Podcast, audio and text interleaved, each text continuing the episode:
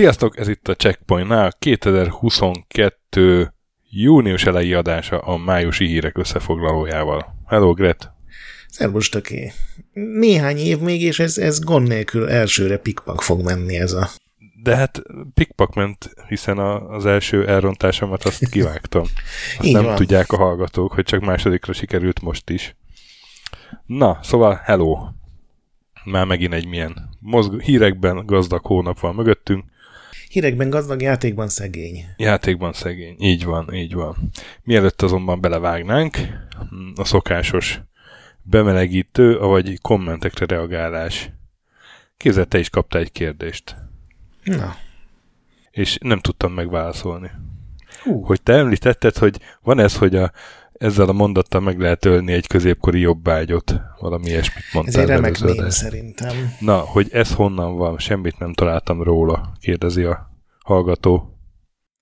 Ez egy méme, én először ilyen kajákkal kapcsolatban láttam, tudod, ilyen uh, intense barbecue ízesítésű kettle chip és hasonlók, és ezzel kapcsolatban terjedt el, de aztán az ilyen nagyon furcsa mondatokkal kapcsolatban, és szerintem ezért rendkívül szórakoztató dolog, de nyilván ilyen magyarázva már abszolút nem lesz az, úgyhogy többször nem fogom mondani, megpróbálom. Aztán uh, egy kicsit érzékenyítsünk, siket versus süket témában. Ugye volt egy ilyen hírünk előző adásban, és akkor ott a kommentekbe előkerült, hogy, hogy miért siketezünk, azt mindenki süketnek mondja, és nem egészen, szóval a siket az, az hallásérült, az olyan, mint a vak mondjuk a látásterén, és a köznyelven gyakran erre mondják, hogy süket, miközben a süket az nagyon, nagyot halló, tehát olyan, mint a, mint a gyengéllátó a látásterén, ami úgy mindenkivel előfordul, hogy elromlik a szeme öregkorára, meg kicsit megsüketül, na az a süket. Én ezt egyébként nem is tudtam, én csak azt tudtam, hogy, hogy ilyen hivatalosan, meg a, Igen. A, ez a közösség a siketet használja, én csak az, ezt nem is tudtam, hogy van egy ilyen. Igen, igen, és hát a köznyelvben tényleg gyakran süketezik őket, úgyhogy gondoltam azért ezt hangozzon el, hogy ez nem valami modorosság, vagy ilyesmi, hanem egyszerűen ez egy létező és valid megkülönböztetés. Aztán mondtunk olyat az előző adásban, hogy ez a nem tudom, hogy a Ray Tracingnél mondtuk, vagy a VRR-nál, hogy hát igazából ez nekünk nem mond semmit így technikailag, mert hogy tufák vagyunk és beírt a kommentel, hogy pontosítsunk nekünk a Bezier görbék sem mond semmit, mégis folyton használgatjuk. Ne haragud, nem, ne, ez nem így. Én több, több szövegboxot írtam a Bezier görbékről, az az, amikor nagyon görbe lesz valami. Na, de ezt szeretném, ha megké... akkor elmondanád most, hogy mi az a Bezier görbe. Most mondtam el, amikor nagyon görbe lesz. Amikor nagyon görbe.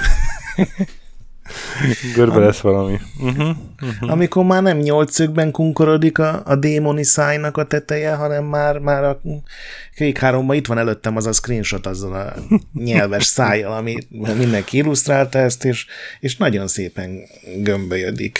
Én nem hiszem, hogy ennél tudományosabb meghatározás létezik. Igen, megnyitottam most a Wikipedia oldalt, és a Bézier görbe a számítógépes grafikában gyakran használt parametrikus görbe. Hát, gömbölyű, parametrikus, érted? Szinonim. Végül is. Végül is ugyanaz.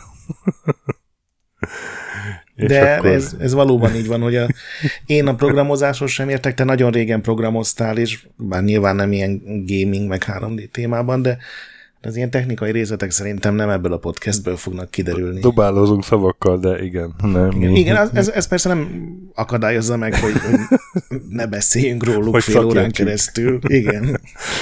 De igen, mi elsősorban gémerek vagyunk. Ez a gazdasági elemző és is. technológiai eh, magyarázó podcast. Igen. Aztán, hogy ugye volt ez, hogy felháborodtunk, hogy sokakkal együtt, hogy az, az App Store ugye kidobálja a két éve nem frissített appokat, uh-huh. és a kommentekbe jöttek, képzeld, ezt a döntést szupportáló kommentelők, és meg is magyarázták, és hát ezt a pontot meg tudom adni nekik, hogy en, ennek a felhasználók védelme miatt is van értelme, mert hogy egy mobilon az ember sok személyes adatot tárol, és ugye azokhoz a appok, játékok hozzáférést kérnek, és hogyha nem frissítik ezeket két évig, vagy akár még több ideig, akkor elkezdenek biztonsági rések megjelenni, ami hát komoly kockázat, és az ukrajnai háború miatt megszaporodtak most ilyen kibertámadások ráadásul, úgyhogy ez valójában a felhasználók adatait is védi egy ilyen döntés. Én, én erre nem, ebben nem gondoltam bele, megmondom őszintén, de lehet benne valami. Hát ebbe így én se gondoltam bele, ez nyilván tök új. Lehet.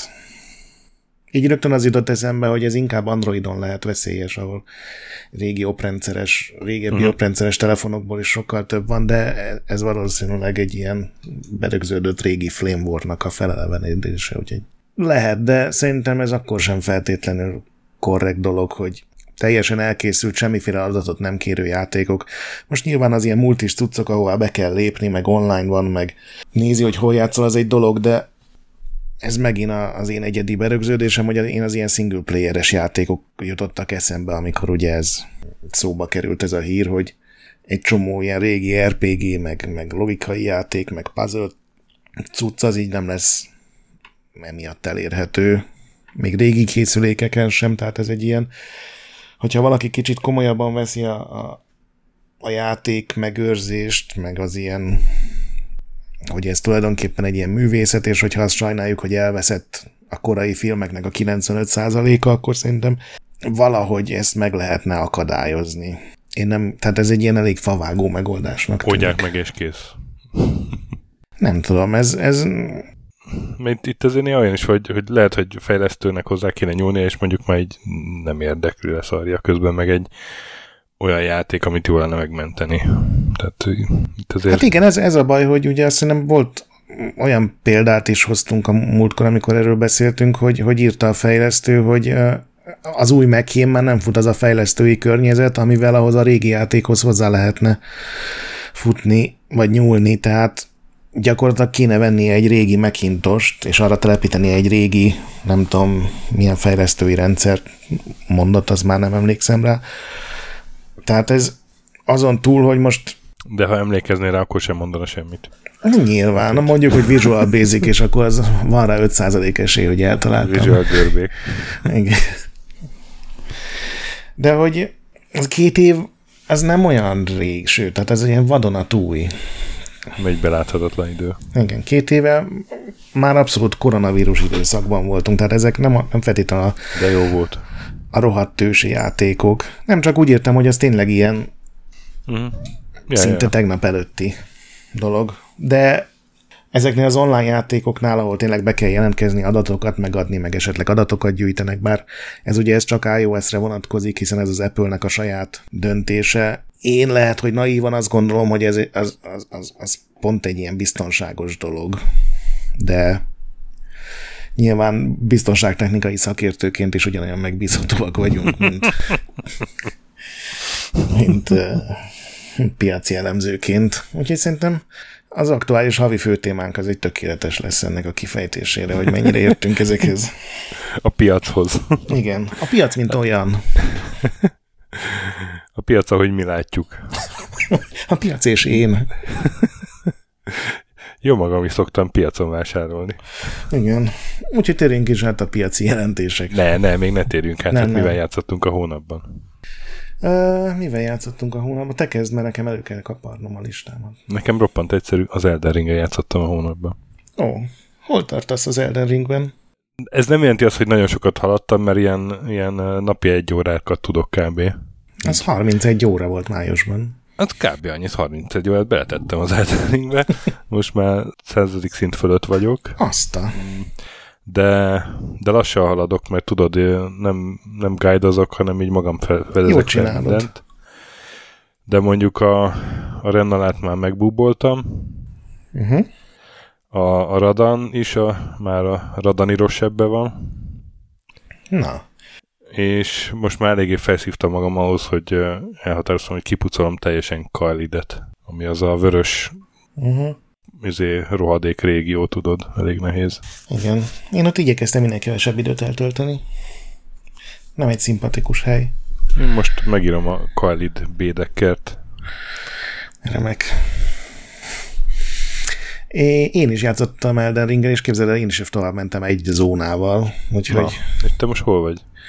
Én most a havas részem kezdtem el nézelődni, az ugye az ötös, ötödik Aha. terület, legalábbis úgy, hogy én haladok.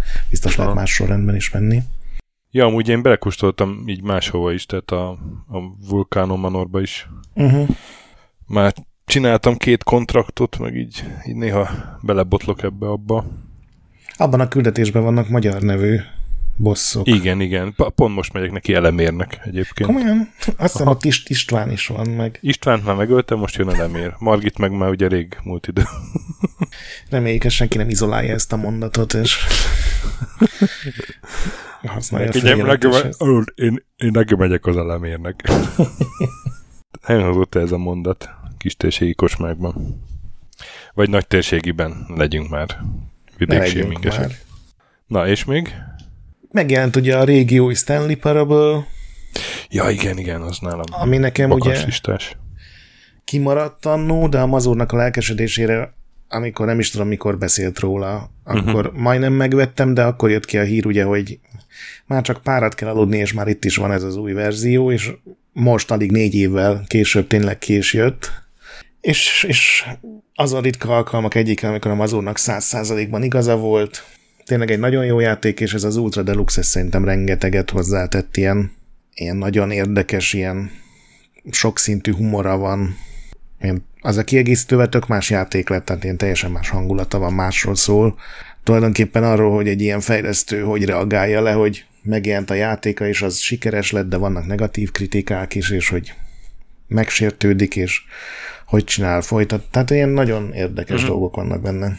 Meg ezen kívül egy csomó ilyen kisebb játékkal játszottam, mert ugye májusban majd beszélünk róla, hogy gyakorlatilag ilyen nagy, óriási nagy megjelenés nem volt. Nagyon népszerű játékok voltak. Ez a V-Rising egy ilyen Hát az én reduktív megfogalmazásomban egy ilyen vámpíros Diablo-szerűség, az például ilyen iszonyú népszerű lett azonnal valamiért.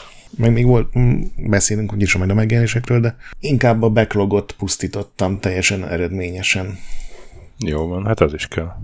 Na, hát akkor hónap témája, ugye amit múlt hónapban akartunk, de akkor még nyersanyag hiány nem tudtuk megvalósítani, ez a éves jelentések. Májusban ezek azért becsordogáltak. És ugye, mert ilyen nagy játékpiaci elemzés az volt évelején, azt szerintem említettük, akkor uh-huh. azt hiszem az volt nagyjából a tanulság, hogy ugye a Covid időszak alatt a játékipar az nőtt nem tudom mennyit, milyen majdnem 10%-ot, nem, most uh-huh. így pontosan nincs a fejembe a szám. 2000 mikor 20-ban, ugye, és akkor most meg az volt a tanulság évelején, hogy 21-ben meg nem csökkent, tehát megtartotta ezt a hirtelen szerzett előnyt. És, és hát akkor lássuk, hogy az egyes cégek szintjén ez, ez hogyan jelentkezik. Melyikkel kezdjük? Hát szerintem a Microsoftot meg a sony ki lehet így egymás mellett tárgyalni, mert igen, mondjuk a Microsoftnak ugye csak negyedéves jelentés, neki, mert nekik máshogy zárul a... Igen, a nekik jó, nekik most ez évük. a harmadik pénzügyi negyedév volt, ugye ami március 31-én zárult, és akkor ugye összeadják a, ami van a kis kasszában, és akkor megírják ezt. Hát a Sony az... A Sony egyszer áll nagyon jól, és nem jól. Igen, ez elég fura egyébként. Hát ők őket azért sújtja ez a chip hiány, vagy, vagy ellátási lánc uh, problémák, ugye még, még mindig, még mindig. Tehát az, hogy uh, két millió PS5-öt sikerült a utolsó negyed évben um, kiszállítani, az annál érezhetően többet is tudhattak volna, hogyha rajtuk múlik. Igen, egyrészt tök jó az, hogy körülbelül másfél év alatt 19,3 millió eladott gépnél állnak, de ennél még a tavalyi előrejelzésük is többet mondott, és azt le kellett csökkenteni, és 2000, tehát a következő pénzügyi évre, amit azt hiszem úgy hívnak, hogy 2023-as pénzügyi év, arra is le kellett csökkenteni, ami nem azt jelenti, hogy nem fogy jól, hanem hogy nem tudnak eleget gyártani. Tehát ami elkészül gép, azt gyakorlatilag garantáltan el tudják adni a boltba kerülés napján szinte az egész világon. De ez már olyan méreteket kezd ölteni, hogy hogy képzeld el, most volt egy hét Japánban, amikor több Xbox fogyott, mint Playstation, ami, ami még biztos előfordult már néhány napon, de hogy ilyen az utóbbi tíz évben nem volt, az biztos. Ami megint csak nem azt jelenti, hogy az Xbox népszerűbb Japánban, mint a Playstation, hanem hogy annyira kevés az van a boltban. Van a boltban, igen, hogy, hogy kénytelenek azt megvenni az emberek, vagy legalábbis, hogy nem tudnak Playstation-t venni. De egyébként ezen túl, hogyha ezt nem veszed oda, hogy lehetne sokkal jobb is, akkor tök jól állnak. Igen, tehát profit az van bőven, ugye, az egy 346 milliárd ilyen, 2,6 milliárd dollár. És ez uh, kb. annyi, mint a tavalyi év, picit több. Igen. Úgyhogy uh, itt, itt az van, hogy, hogy a profit szintjén abszolút tartotta a, a, a tavalyi éve, csak hát tényleg lehetett volna ez akár több is. Igen, most azt jósolják, hogy 2023 naptári év végére tud helyreállni a gyártás, ami hát ami egyrészt rohadt messze van, viszont akkor azt, azt jósolják, hogy akkor tudnak majd évente 20 millió gépet gyártani. Hát nem tudom, egy, egy, egy ilyen, tudom, hogy kell valamit mondani a részvényeseknek, de egy ilyen elhúzódó mm, háborúval azért nem, nem jósolnék nagyon merészeket. Hát igen, ugye nagyon sok csípgyár épül, így a háborútól teljesen függetlenül, tehát Németországban, Ohio-ban, meg nyilván Ázsia egy csomó részén, de én azt olvastam, hogy azokból a legelső működni képes egységek, amik még nyilván nem a csúcskapacitást jelentik, azok ilyen 2026 és 28 között uh-huh. kezdenek dolgozni, és 2030-ra mondják, hogy, hogy chip hiány már nem lehet, mert a 2020-as szinthez képest megnyolcszorozódik a gyártás kapacitás azzal a rengeteg új üzemmel, amit ugye beruháznak. Ugye mi is mondtuk, hogy de hát mi nem építenek gyárakat, aztán kiderült, hogy hát ez végül is másnak is eszébe jutott, csak ez nem olyan fürge dolog. Úgyhogy hát majd meglátjuk. Ugye itt a Microsoftnak az az előnye, hogy a, az Xbox Series S az egy gyengébb gép, ami azt jelenti, hogy a chip hiány kevésbé sújtja, mert minél nem azt mondom, hogy ez egy egyszerű összedobott hardware, de nyilván kevesebb ilyen nagyon high-end komponens kell hozzá, mint egy PlayStation 5-höz vagy egy Xbox Series X-hez, és ezért abból sokat tudnak gyártani, és mivel nincs más, azt is megveszik az emberek. Hát igen, és a, tehát a Microsoftra, ha áttérünk, annak meg ugye a negyedéves jelentése az, azért az elég jó. Ugye 49,4 milliárdos bevét, de mi ez? Forgalom, és 16,7 milliárdos bevétel. Igen, hát ez ugye nem csak az Xbox, hanem a teljes. Nem csak az, persze, persze, persze. A profit az 8%-kal nőtt a tavalyi év hasonló időszakához képest. A Sony-nál azért nincs ennyi, de, de hát igen, de hát a Microsoftnál azért ugye más is van bőven. Igen, tehát az a, az a kisfiú, akit így a nagy darab apuka kísér, és megveszi neki az Activision-t. De az Xboxnál is ilyen lassú növekedés van, tehát ők ugye nem mondanak ilyen konkrét számokat, hogy hány millió gép van eladva, ami egyértelműen jelzi, hogy PlayStation-ből több van eladva még így is, hogy most már Amerikában is, meg ugye egy hétig Japánban is előfordult, hogy sokkal több gépet adnak el, de Xboxos hardware bevételek 14%-ot nőttek az egy éve korábbihoz, az Xboxos szoftver meg szolgáltatás bevételek 4%-kal nőttek, ami nekem tök kevésnek tűnik egyébként ahhoz képest, hogy ugye a igen, Game Pass-t úgy igen, nyomják igen, minden csövön. Igen. Egy számot jelentettek be ilyen konkrétat, hogy a Microsoft X Cloud ilyen streamelő szolgáltatást, ami ugye ingyen jár a azt hiszem a Game Passhoz is, meg a Xbox Live Goldhoz is, az 10 millióan próbálták ki. Ez ugye az, hogy mondjuk telefonon, vagy akár PC-n így böngészünk keresztül tudsz játszani Xboxos játékokkal amit mindenki nagyon impresszív számnak tartott. Nyilván nincsen adatunk arról, hogy hányan használnak Google Stadiát, vagy ezt az Nvidia Shield-et, de ennek úgy mindenki örült. Na, aztán uh, térjünk át Nintendo-ra? Térjünk át Nintendo-ra, nagy számokat is tudjunk mondani. Jó, hát azért Nintendo is, uh, tehát pénzügyileg azért ott is egy kis tagnálás van, nem? Én azt látom. Igen, az, az eladásaik mind hardwareben, mind szoftverben nagyon durvák, tehát ilyen vagy rekordot döntöttek, vagy gyakorlatilag előre jelzik, hogy meg fognak dőlni rekordok. De ők ugye 107,6 millió eladott Switchnél járnak, Switch. uh-huh. ami még nem döntögeti, meg még nem is közelíti a DS meg a Game Boy-nak az eredményeit, de hát a Switch még egy viszonylag új hardware. Ez volt a harmadik év, hogy sorozatban 20 millió Switchnél többet adtak el, ami elképesztő, és a szoftvereladások a nagyon durvák. Ugye beszéltünk szerintem már egy csomószor arról, hogy a Switch népszerű, és hogy iszonyú sok programot vesznek rá a népek, és főleg ugye, vagy hát elsősorban Nintendo kiadású szoftvereket. Egy év alatt 235 millió Nintendo Switch játék fogyott, ami a, a Nintendo életében is egy rekord, hogy egy év alatt ennyi játékot tudjanak eladni. Soha nem volt ennyi. És ennek kb. 5% a Pokémon Legends Arceus volt. Igen, annak a két hónap. Tehát az az januárban jelent meg, ha jól emlékszem. Hiszen az 12,6 millió kemény. És a Kirby is nagyon jól fogyott, az képest egy tök új játék, már 2,6 millió elment belőle. Igen, azt hiszem az is egy két hetes adatot jelent, ja, tehát két ja, hét ja. alatt. És a Pokémon Company is a legsikeresebb évét tartotta, és ugye még idén jön még egy nagy Pokémon játék, Úgyhogy a Nintendo ilyen szempontból tök jól van, szerintem ők nyugodtan tudnak, vagy legalábbis remélem, hogy a következő hardware koncentrálni, akármi is legyen az. Úgyhogy ők ilyen szempontból teljesen nyugodtak. Ugye a Sony meg a Microsoft főleg egymással viaskodik, ők meg csöndben rohadt sok játékot adnak el, és abból degeszre keresik magukat.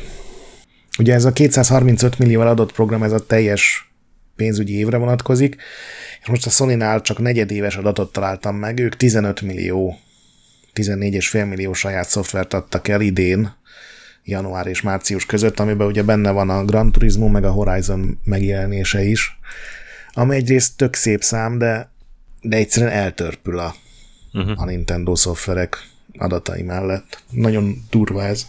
Ha, ha viszont ilyen bevétel meg profit számokat nézünk, akkor uh, kb. annyit hoztak, mint az előző év hasonló időszakában, ugye?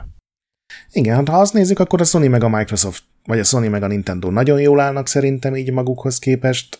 A Microsoftnál meg lehetetlen megmondani, főleg, hogyha oda veszed, hogy oké, okay, 14%-ot növekedtek a hardware adások, de vettünk 60 milliárd vagy 70 milliárd dollárra egy Activision, mert gondolom valahol azt is föl kell tüntetni. De hát ez már gondolom ilyen könyvelői matek, meg mágia, meg... És hát itt elég sok grafikon van, meg, meg számok, most ezt nyilván nem fogjuk mind felolvasni, de majd belinkelhetjük. Persze, persze, itt csak az érdekesebb highlightokat vesszük elő. Aztán van még Konami, meg Square, ugye? Igen, ezt a kettőt találtam még ezen túl. Éves jelentés. Na, hát a Konami-nál minden oké. Okay. Konami rekord évet zárt az leg, teljes történetén. Legprofitábilisabb év. Hát csak ki kellett rúgni a Kojimát, aztán látod, megy a szekér.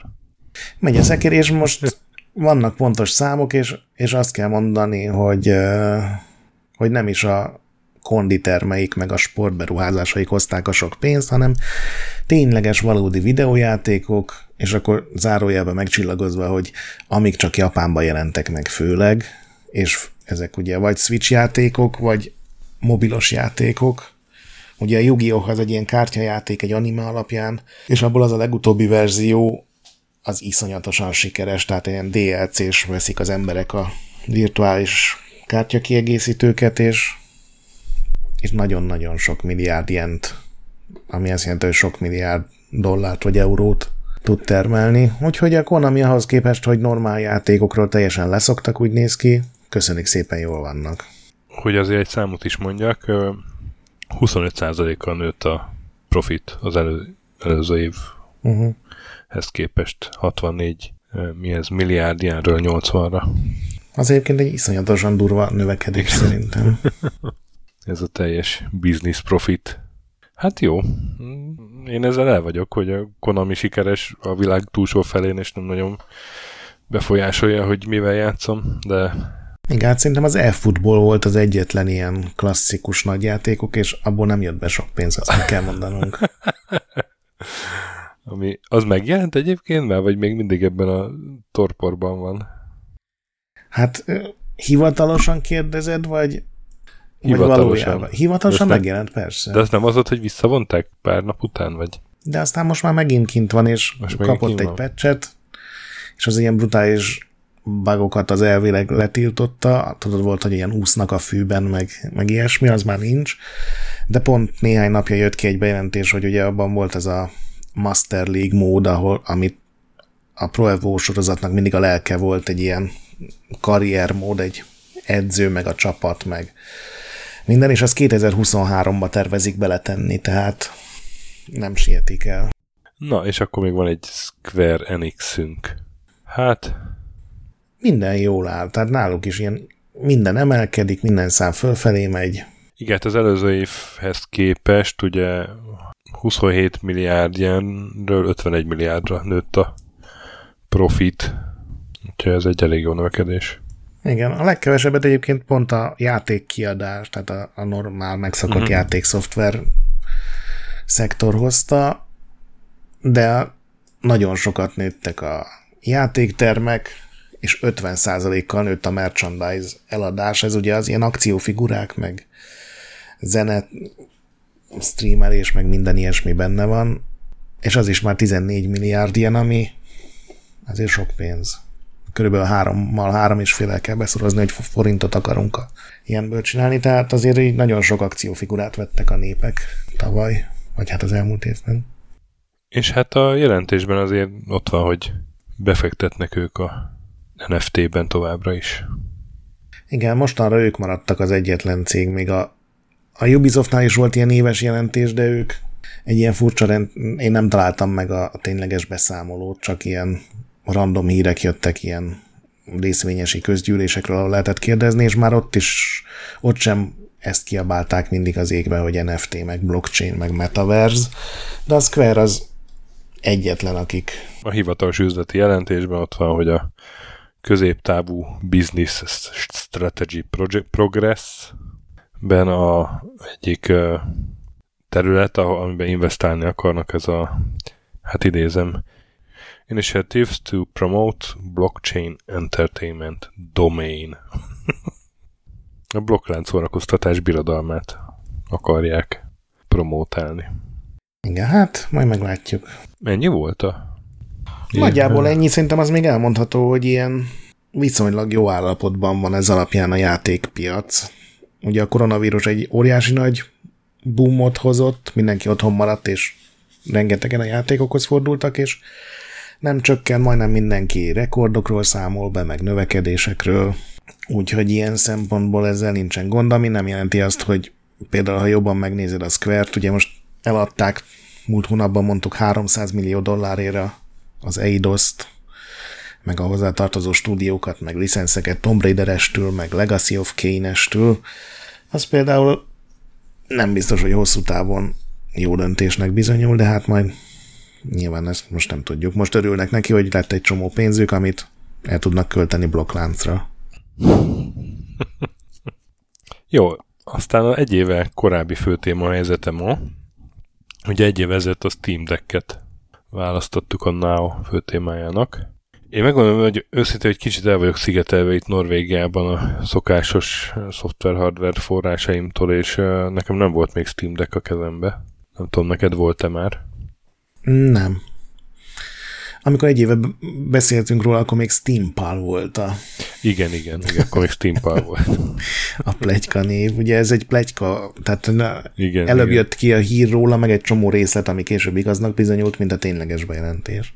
Mindenki nagyon örül neki, aki kapott, egy csomót javítgatnak rajta, látszik, hogy most tényleg a Valve jelenleg ezzel foglalkozik, egyre több játék kompatibilis, megjavítanak a hűtésen, egy csomó opciót adnak, amivel ugye gyengíteni lehet a látványt, de megnövelni a játékidőt, mert igazából az a legkomolyabb kritika, ami nem is feltétlenül kritika, mert természetes, hogy egy ilyen uh-huh. vékony kézikütyűvel gadoforozni nem tudsz két-három, esetleg négy óránál többet, ami ugye azt jelenti, hogy ha van egy hosszabb repülőutad, akkor a felénél már ki kell kapcsolnod a gépet, de most ezeken próbálnak javítani mindenféle ilyen optimalizálással, meg csúnyán mondva lebutított grafikai dolgokkal, úgyhogy igazából akinek van, és aki szereti, és aki használja, az, az majdnem mindenki örül annak, hogy hogy működik, úgyhogy ez teljesen pozitívan. Én is ilyen jó visszajelzéseket olvastam. Sült el. Ilyen, hogy ebből mennyi talált gazdára ilyen számokat, te se láttál sehol, ugye? Nem, hát ugye a Valve sajnos az ja. nem egy nyilvános az... részvénytársaság, hanem az így konkrétan Gabe Newellé, meg aki még kapott belőle, nem tudom, vannak-e nagyobb befektetők, de hogy nekik nem kötelező nyilvános pénzügyi jelentéseket közzétenni, úgyhogy ezekről sem mondanak semmit. De ott is biztosra vetjük, hogy amennyi elkészül, az azonnal el van adva, hiszen még hónapokra előre megvan, hogy a te egy nappal később rendelted a hivatalos bejelentésnél, akkor három hónappal később kapod meg. Úgyhogy ezeket szépen gyártják, szépen küldik ki. És szépen fejleszgetik. Igen, sokkal jobban sült el, mint az a Steambox Mint a Steambox. Igen, igen, nekem, is, nekem is ez volt a benyomásom. Kíváncsivá is tettem úgy ez a, hát nem hype, hanem hát ezek már visz, valid visszajelzések. Csak mondom, én egyszer nem is ismerek olyan embert itt, aki aki játékos, nem hogy olyan, akinek van uh-huh. Steam, mi ez, box, deck. Deckje. A Discordon legalább egy ember írta, hogy neki megérkezett, és, és tetszik neki, használja, úgyhogy... Ja, ja, hát azt én is láttam, de gondolom ő sem Norvégiából írta. Nem, nem, nem. Hogy oda utazott hozzá, hogy bátya, hatta pizzam már. Na jó, radaron tartjuk ezt a témát is a továbbiakban is. Na de most kurrens hírek a hónapból. Az IGN-en volt egy elég nagy ilyen report, vagy oknyomozás Nintendo of Amerikáról, ugye az Amerik- Nintendo-nak az amerikai leányvállalata, és hát ott azért voltak súlyos megállapítások. Leginkább az, hogy ott kialakult egy ilyen kasztrendszer, hogy a, a belsős dolgozók a, az atyaistenek, a szerződékesek meg a senkik, akik eleve másik épületben dolgoznak, ilyen elmaradott gépeken, néha például XP-s, Windows XP-s gépen. Ez az egyik legsúlyosabb megállapítás a Igen. Hát ez mindent elmond, hogy Igen. És van a vadonatúj csillogó épület, és, és van a régi raktár, ahol Windows XP-s gépeken dolgoznak emberek. Igen, és hogy pár éve még, még VHS kazettás izé, ilyen bug reportok is voltak ott őrizgetve. De hogy általában ez nem volt mindig így, mert ez a Redmondi Chillivilli központ, ez 2010-ben uh, nyílt meg, ugye még a Iwata Satoru nyitotta meg, szegény azóta már rég meghalt, és hogy az elején még volt egy ilyen karrier ív, vagy lehetőség, hogy a szerződésekből lehetett belsős alkalmazott, és lehetett fejlődni, de általában ez már teljesen elsorvadt, és most már csak vannak a senkik, meg a valakik. Igen, és ugye nincsen átjárás, nincsen előrelépési lehetőség, hogyha egyszer bekerülsz a nagyon-nagyon sok idézőjelbe, nem is mondom idézőjel, tehát ha bekerülsz abba a lepusztult raktárba, akkor onnan így nem nagyon tudsz kijönni, és hogyha átmész az új kajáldába ebédelni, akkor mindenki kinéz, mert más színű a badged. Igen, a pirosok meg a kékek. Ez, ez, ez volt a legdurvább igazából, hogy rád néznek, és megmondják, hogy szerződéses vagy.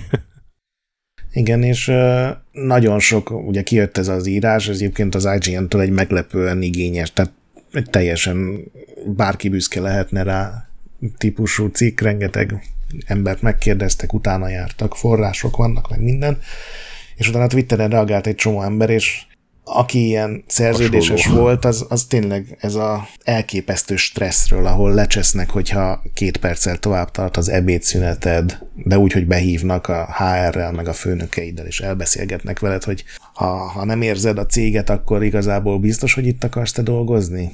Úgyhogy ez egy ilyen szerencsére ilyen zaklatásokig, meg ilyen explicit törvénysértésekig ez nem megy el, mert ahogy számomra ebből a cikkből kiderült, ez az örökös szerződésesség, ez egy ilyen új amerikai, ilyen, hogyan tudjuk még jobban kihasználni a dolgozóinkat feature.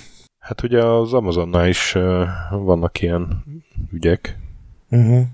Ez rendszeresen előkerül, hogy ott is a szerződésesek azok, akik ugye nagyon sokan vannak, azt tegyük hozzá, és a, a Nintendo-nál is valószínűleg azért elég sokan vannak. Ők, őket nagyon elnyomják.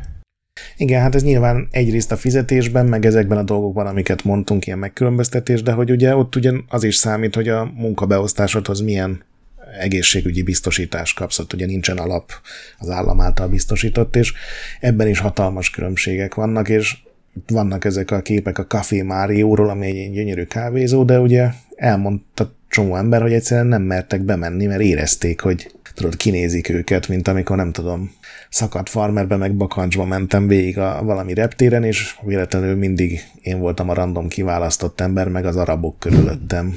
Hát ilyen elég durva, és uh, igazából a Nintendo nem is nagyon reagált ezek erre a cikkre. Nem, ugye, ja. Mármint azzal csak annyiban, hogy semmilyen törvény nem sértenek meg, mindent próbálnak biztosítani, hogy mindenkinek a lehető legjobb legyen. Úgyhogy minden cégnél vannak ilyen dolgok, ez az a szomorú, hogy ez még az, azt mondhatjuk rá, hogy ez még jobb, mert senkit nem erőszakoltak meg, és nem lopták el az anyatejét a hűtőből. Azt szerintem arra örökre emlékezni fogok arra a sztorira. Az anyatejésre? Uh-huh. Hát aztán tovább a seggfejcégek vonalán az Activision. Ugye egy újabb per, most a, egy New Yorki nyugdíj alap perel, mégpedig a Microsoftos felvásárlás elfogadása miatt. Ez a New Yorki nyugdíj alap ez befektetett a Activision részvényekbe, és azt gondolja, hogy kár érte őket azzal, hogy ezt a felvásárlást ugye elfogadták. Ezt egyébként a részvényesek többsége megszavazta, de hát a jelek szerint azért volt, aki nem és hát a nyugdíjalap szerint ez a kapott ár, ez alacsonyabb, mint a tényleges. Amit én nem egészen értek, mert ugye 95 dollárt adott a Microsoft, ha jól emlékszem. Igen, ez ilyen, hogy lehetett volna még több. Tehát Részvényenként, a... de én az elmúlt, megnéztem a részvényárfolyamat, elmúlt öt évben egyszer ment 100 dollár fölé árfolyam, és csak egy picit aztán vissza is pattant onnan. Tehát, hogy, tehát itt nem az, hogy hogy itt ilyen sok dollárral nagyobb részvényárfolyamok voltak, úgyhogy nem is értem egészen ezt, de, de hát itt nem csak ez az egyetlen célja ennek a pernek egyébként, hanem érezhetően személyesen Bobby Kotikot is kicsit hát deresre akarják vonni, mert ő személyesen is említve van. Hát sőt, ahogy néztem, ő, ő, ő is be van perelve egy külön perben, nem? Ja, hogy ez itt... Várj, akkor lehet, hogy felettesen olvastam ezt a hírt. De igen, ugye az a vált, hogy, hogy ez a eladás, ugye az eladáshoz kötődik, ez, ez neki egy ilyen menekülő út volt a bizárdos munkajogi balhéktól. Igen. És hogy ebben a perben követelik, hogy hadd ismerjenek meg iratokat, amik már Kotik felelősségét pedzegetik, és hát azzal a szándékkal is, hogy akkor ha megismerik ezeket az iratokat, ugye nyilvánosak lesznek, akkor esetleg azokat más perekben is fel lehet majd használni. Igen. Ahogy én értelmeztem, ami egy nagyon nehéz egy perirat alapján nyilván, hogy, hogy az a legfőbb bajuk, ami a pénzügyi részét illeti, hogy a Kotik menekülni akart, és gyakorlatilag elfogadta a legelső ajánlatot, ami szembe jött, és hogy, hogy nem az volt, tudod, hogy megkeresett még 30 céget, ja, és hogy lehet, hogy az jobb árat lehetett volna kisajtolni, tudod, így egymással versenyeztetve a vevőjelölteket, hanem hogy érezte, hogy szorul a hurok, hogy gyakorlatilag minden nap kijön valami brutális hír arról, hogy ő mit csinált, vagy mit engedett csinálni, és, és ezért van ilyen nagy bajuk valamennyire szerintem érthető módon a dolgokért, és itt még a, ez a hír ez össze is gyűjti, hogy azért van itt még jó néhány per, ami az Activision ellen van részben ugye a felvásárlás miatt, részben pedig ugye a korábbi mindenféle megkülönböztetős, meg egyéb ügyekkel kapcsolatban.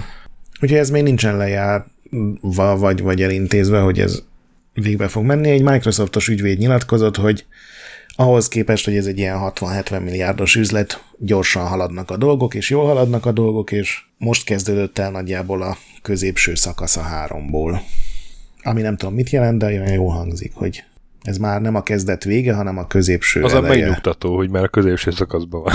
Igen. Aztán van egy gyászhírünk is, meghalt a David Ward, az Ocean egyik alapítója, 75 évesen a fia osztotta meg a szomorú hírt, különösebb konkrétumok nélkül. Hát ugye volt egy Ocean adásunk tavaly vagy tavaly előtt, akkor beszéltünk sokat David Wardról is, aki John woods együtt 83-ban alapította ezt a legendás, ki, hát főleg kiadó volt, ugye, de azért voltak saját fejlesztések, de elsősorban kiadó volt, és itt ugye a licenszelt játékokban utaztak, főleg filmátoratokban például. Hmm, hát meg az első ilyen nagy brit nemzetközi játékcég Igen. tudott lenni, aki már nem csak így Európának dolgozott, hanem... Igen, úgyhogy ez, ez David Ward öröksége. Aztán berakta ide egy YouTube videót, amit most nem voltam hajlandó végignézni. Hogy is mondjam, a, a cím, amivel beraktad, az se volt egy kattintás mágnes, hogy AAA NFT játék betámadott egy YouTubert. Igen, tehát ez arról szól, hogy van ez a az Off the Grid nevű játék, amit bejelentettek iszonyatosan nagy nevekkel, tehát a Neil Blomkamp írja a történetét, ami ugye egy Battle Royale játékban minimum értelmezhetetlen, és, és már akkor fölroppentek plegykák, hogy ez egy ilyen NFT-s blokkláncos játék lesz, és ezt a cég tagadta, Aha. Uh, hogy dehogy is, hát semmilyen nem lesz, és hogy tudod, minden mondatban el volt rejtve, hogy jelenleg úgy gondoljuk, megjelenéskor ez még nem így lesz, és hasonlók, és volt ez a nyilván általam abszolút nem ismert youtuber, aki Twitteren rákattintott valami linkre, és az elvitte egy másik helyre, és ott is rákattintott egy linkre, és megtalálta azt az oldalt, tök nyilvánosan a neten, ahol kim volt ennek az off the gridnek a teljes NFT terve, hogy hogy hívják a tokent, hogy lehet majd szerezni, mire lehet elkölteni, hány százalék, ez ilyen nem feltétlenül a játékosok felé irányult, hanem ilyen befektető csalogató dolog aha, is volt, aha. hogy hogy mennyi pénzt lehet, és erről csinált egy videót, hogy nézzétek, srácok, itt van ez a játék, amiről azt mondták, hogy nem lesz nft de itt van a full NFT tervük, itt és itt van a link. Szerencsére elmentette a internet archive-ban, úgyhogy bárki meg tudja nézni, és erre elkezdték fenyegetni perrel, meg annál még ilyen csúnyább módokon is, hogy nem biztos, hogy ez jót tesz neked, hogyha ezt a videót kint hagyott srác. Nyilván utána azonnal leszették a weboldalt, eltüntették azokat a twittereket, amik oda mutattak, és ez ilyen két-három cégen át, mert mondtam az elején így kattingatott linkről linkre, és már mindenhonnan kapta az e-maileket, meg, meg Discord üzeneteket, hogy figyelj, ezt kurva gyorsan vedd le, mert nagy bajod lesz. Nekünk is, de neked is. És akkor ő így szerintem szimpatikus módon ebbe beleállt, és csinált egy videót, és ez az a videó, amit majd gondolom belinkelsz, és ott elmondja, hogy de figyeljetek, srácok, én találtam valamit az interneten, megmutattam, én nem írtam alá ND-ét, viszont itt vannak a fenyegető üzeneteitek, amiket szintén lementettem. Mit csináljunk, mi legyen a következő lépés, és azóta ilyen nagy csönd van. hogy tudod, amikor, hogy, hogy de most mi a francot csináljunk? Nem jött be az első terv, amit így nem gondolt át senki, de... Ja, Istenem. Hát uh, szép. Aztán megint egy jó kis hír pitched, hogy a Valve ráfaragott valamire, valahogy, valamiért. Ezt akkor, ez is egy ilyen peres, perjelen, perekkel kapcsolatos dolog, és így megnyitottam a hírt, a Bloombergnek a, a, a jogi osztályán van, és így mondom, én ezt nem fogom elolvasni, és akkor beletettem, így a cím alapján, aztán már azóta elolvastam. Ez ugye az van, hogy a Seattle-ben szövetségi bíróság elé került a Valve egy ügyben, aminek az volt igazából ott a döntés tétje, hogy a bíró engedélyezi az ügy továbbvitelét, és ha engedélyezi, akkor lesz egy valószínűleg egy trösztellen, trösztellenes per, és a bíró engedélyeztetett lesz egy trösztellenes per, ez a konkrét fejlemény. A vád pedig az, hogy a, amit a bíró is most így hangsúlyozott, hogy a Valve visszaélt a helyzetével, és mindenféle játékfejlesztőket így stresszelte, hogy más csatornákon nehogy olcsóbban árulják a játékaikat, de állítólag még olyan játékokat is, amik nincsenek Steam-en. Ugye eközben a Steam meg megkerülhetetlen, és végső soron a Steam az igyekezett minél magasabbra felhajtani a játékok árait. Igen, hiszen akkor az ő 30%-a is több lesz, mint a adásból. Akkor ennyi szerepel a bíró indoklásban. Úgyhogy hát ez egy folyamatban levő ügy, és itt a megfélemlített fejlesztők versus Valve. Igen, gyakorlatilag nyomást gyakoroltak rájuk, hogy teszem azt például a, az Epicen, vagy bármelyik másik, a humble vagy bárhol, nehogy a tartós ár az, az olcsóbb legyen, mint a Steam-es ár, vagy ne adjanak annyi mint másik helyeken. Ha ez igaz, az, az ez a klasszikus hatalommal való visszaélés, tudod, hogy nehogy aztán végén ki kelljen raknunk téged az áruházból, barátom. Mm. Szép ez a szoftver, nehogy valami baj sem. Igen. Aztán végre egy nem peres balhés. Igen, akartam mondani, hogy megint egy ilyen nagyon negatív hírtermésünk van. Amiről korábban már beszéltünk, hogy az Electronic Arts és a FIFA kezdenek, ha nem is összeveszni, de vélemény különbözni, az, az most így elharapózott, és az IE bejelentette, hogy a FIFA 24 helyett EA Sports FC, mint Football Club 24 lesz majd ugye a 2023-ban megjelenő focis játéknak a címe. Ebben nem lesz benne a FIFA, sem névadóként, sem bármilyen más értelemben.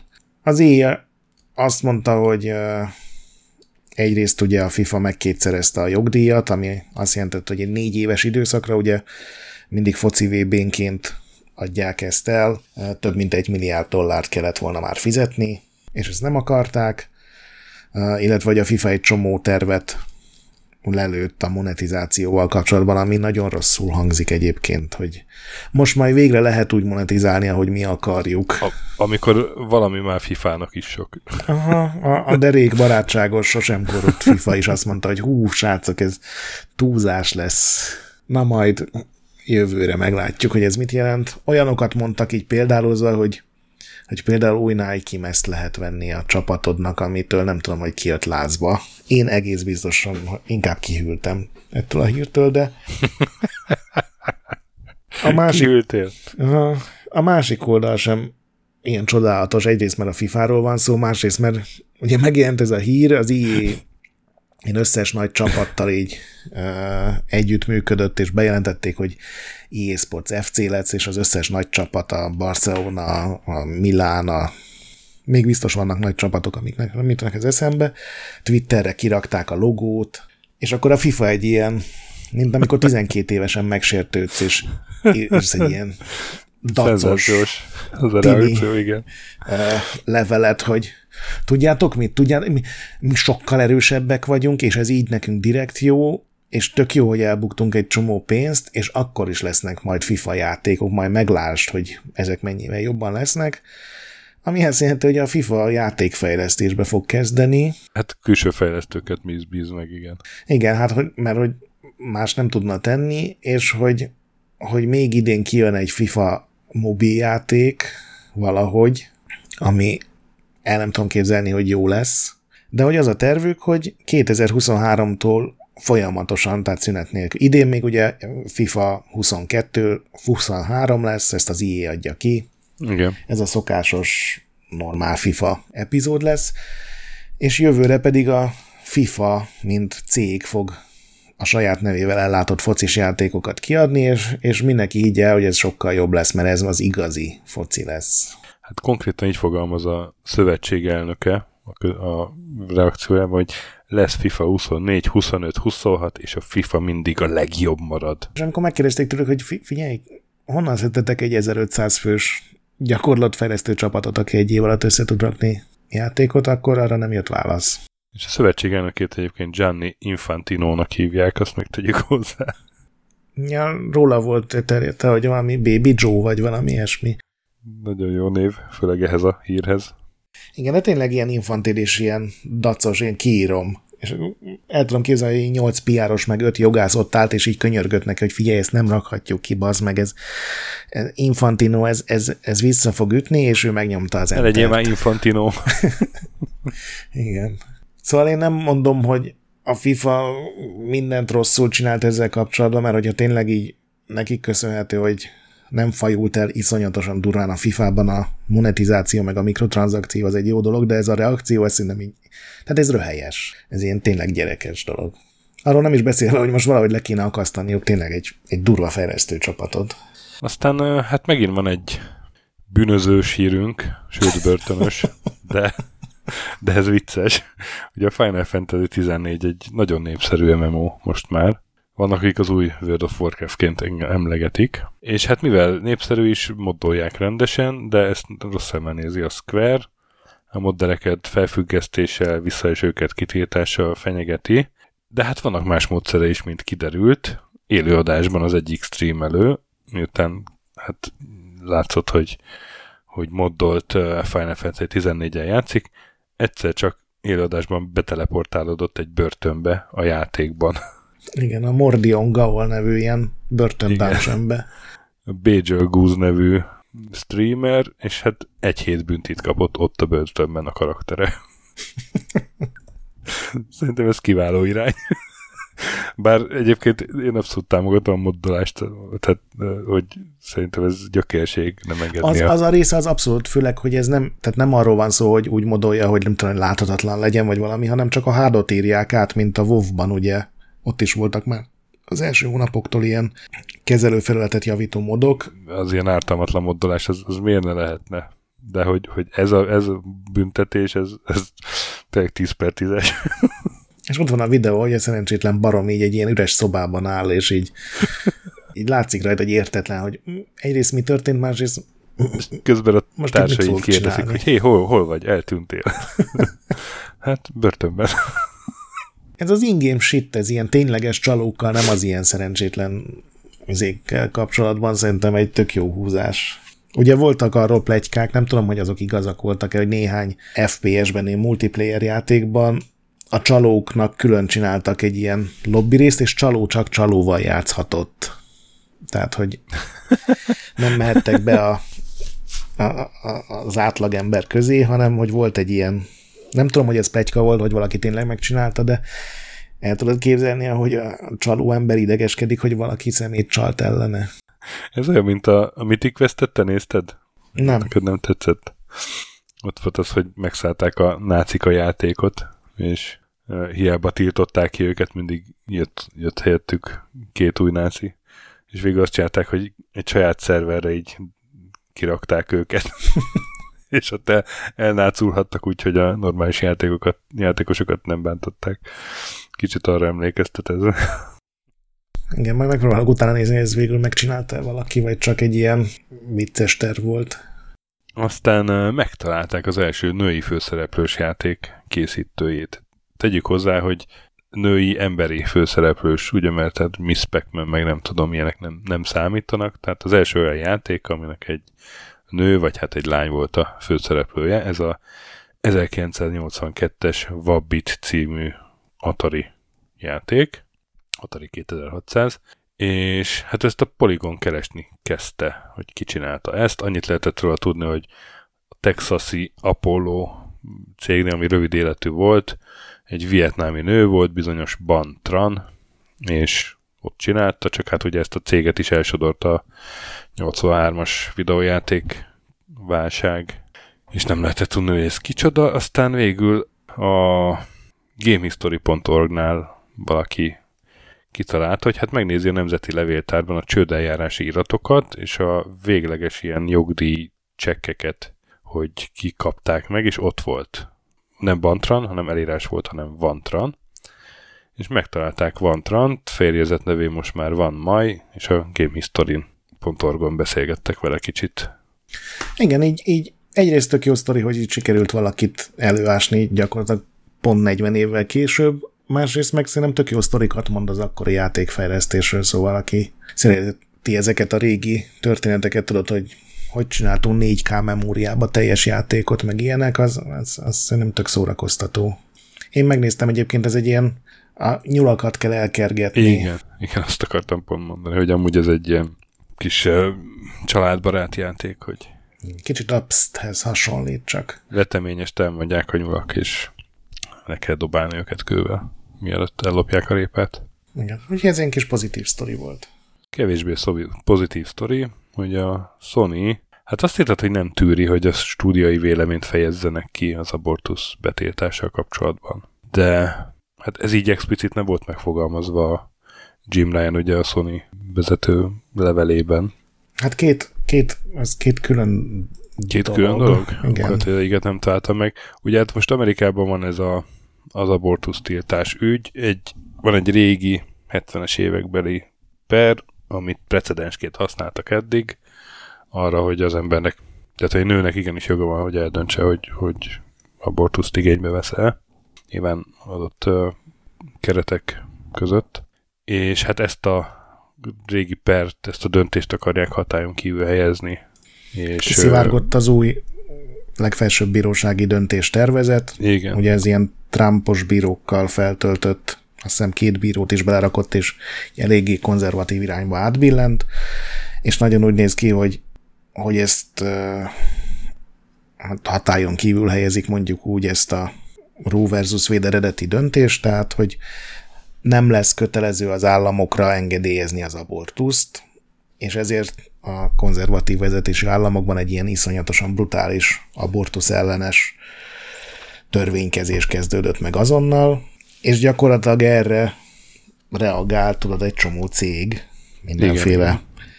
Dolgokkal, vagy mellette, vagy néhány extrém esetben mert vagy ellene, vagy néhány esetben nyilván ezt támogatva, hogy igenis a nőktől vegyük el ezt a jogot, és, és egy kétszon is hír is volt ezzel kapcsolatban. Ja, Aha, akkor lehet, hogy az egyiket Ugye a Sony-nál azért ott, ott szokták kommentálni ezt. Tehát például a Black Lives Matter ügy mellé is odaálltak. Igen, hát nekik is nyilván rengeteg női alkalmazottjuk van, úgyhogy... És, és most meg a Jim Ryan az írt egy olyan körímét, hogy hát tartsuk tiszteletben egymás véleményét. A világ legbizarrabb e-mailje volt ez, mert leírta, hogy mindenkinek a véleménye számít, úgyhogy így a Sony nem fog nyilatkozni. Egyrészt az lehet egy vélemény, hogy a, nem tudom, a palacsintát nutellával vagy lekvárral szereted jobban, az hogy, hogy ilyen teljesen alapvető jogokat elvegyünk emberektől, az lenne szerintem nem vélemény kérdése. És utána elkezdett írni a macskáiról.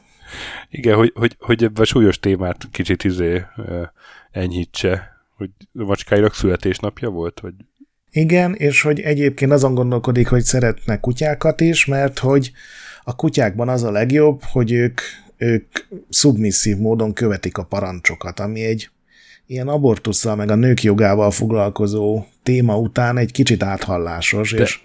egyáltalán, ha cégvezető vagy. Aha, miért írsz a macskát szülinapjáról? Nem, ha egyáltalán cégvezető vagy, akkor az, hogy az a jó, ha valaki szubmisszív, az nem biztos, hogy egy oké okay üzenet. Igen, majd hát mindenki tudja, hogy erről van szó, csak nem szokták kimondani.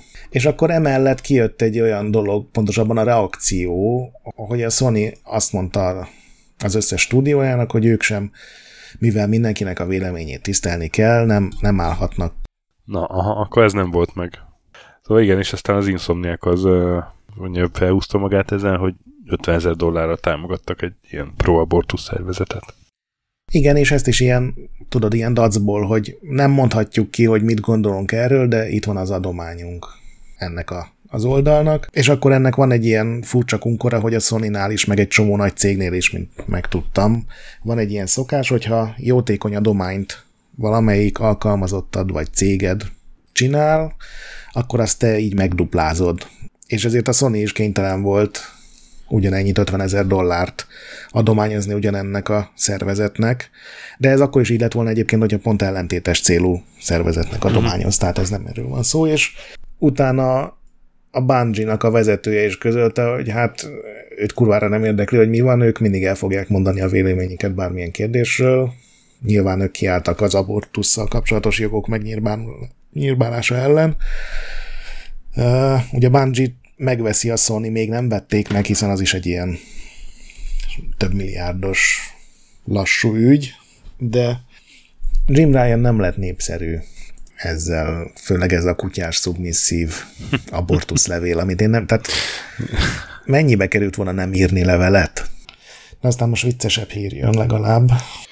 Igen, Abandoned fejlemények írtad, és odarakta egy Twitter linket, ami már nem ér. Úgyhogy Igen, nem tudtam elmondom, ami történt. Ez ugye ez az, az, az a játék, ami amiről volt az a vad pletyka, hogy ez a Hideo Kojimának a igen, szuper igen, titkos igen, játéka, mert megegyezett néhány, hogy hívják ezeket a kezdőket? Hát, ami fő téma, fő téma volt nekünk, nem? Valamelyik hónapban, igen, lehet, hogy ez pont a júniusi lenne. Uh-huh.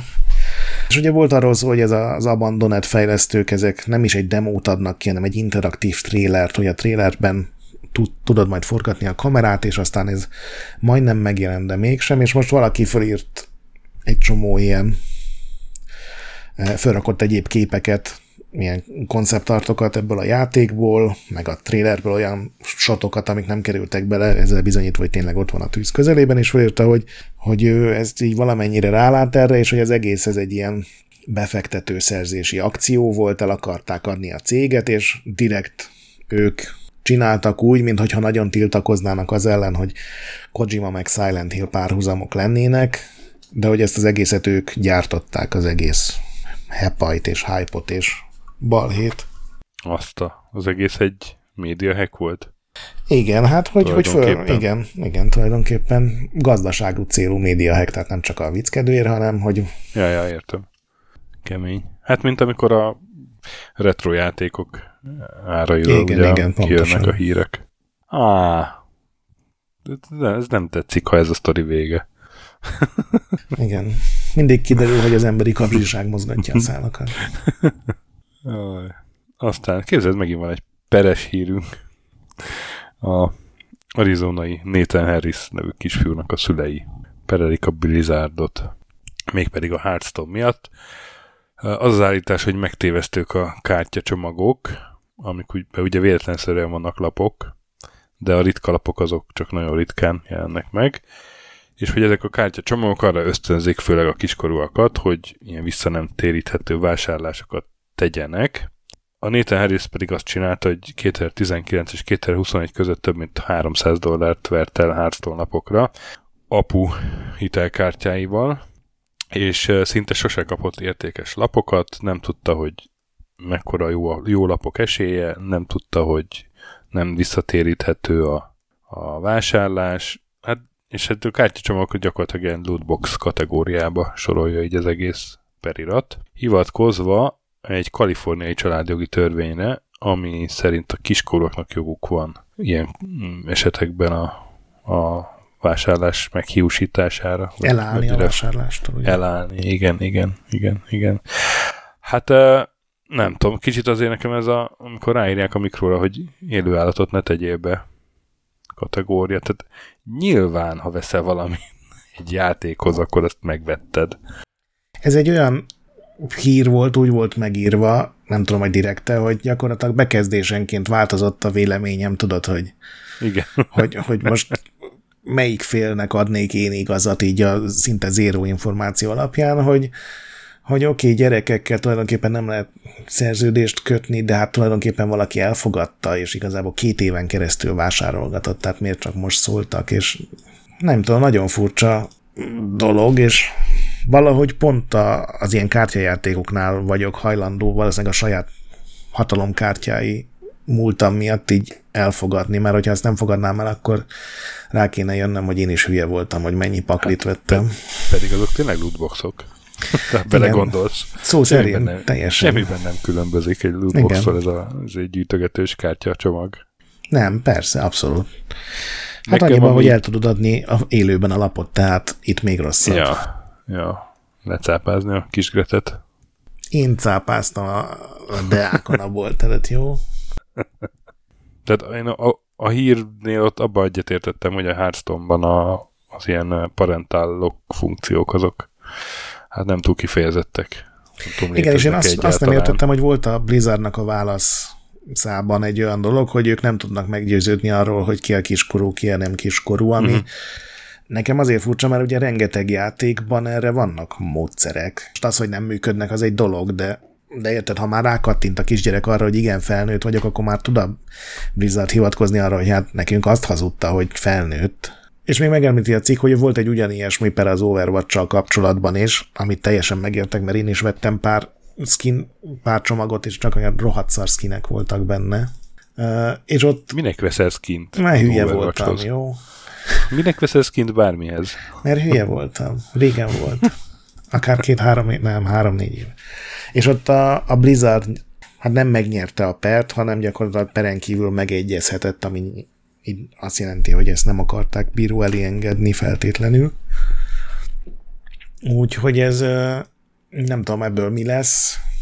Európában ugye rengeteg törekvés van a lootboxok ellen, Belgiumban be is vannak tiltva, Hollandiában van egy ilyen szabályozás, hogy sok lootbox be van tiltva. Most ugye megjelent a Diablo Immortal, ez a mobiltelefonos mikrotranszakciókkal, lootboxokkal teli Diablo mellékszál, és az például ebben a két országban nem is jelent meg.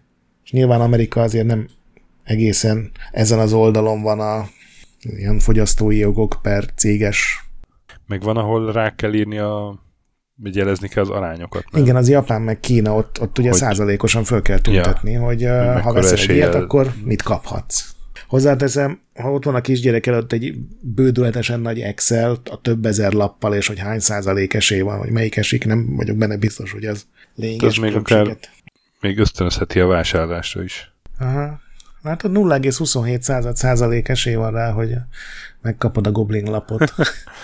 Akkor csak, nem tudom... Aha. De apa, mi az a százalék? 200 csomagot, 200 csomagot kell az apa kártyával vennem, és már is enyém lesz. Hát majd meglátjuk nem hiszem, hogy a gyereknek fognak dönteni. Akkor per külön kiadásunkban, Sony per.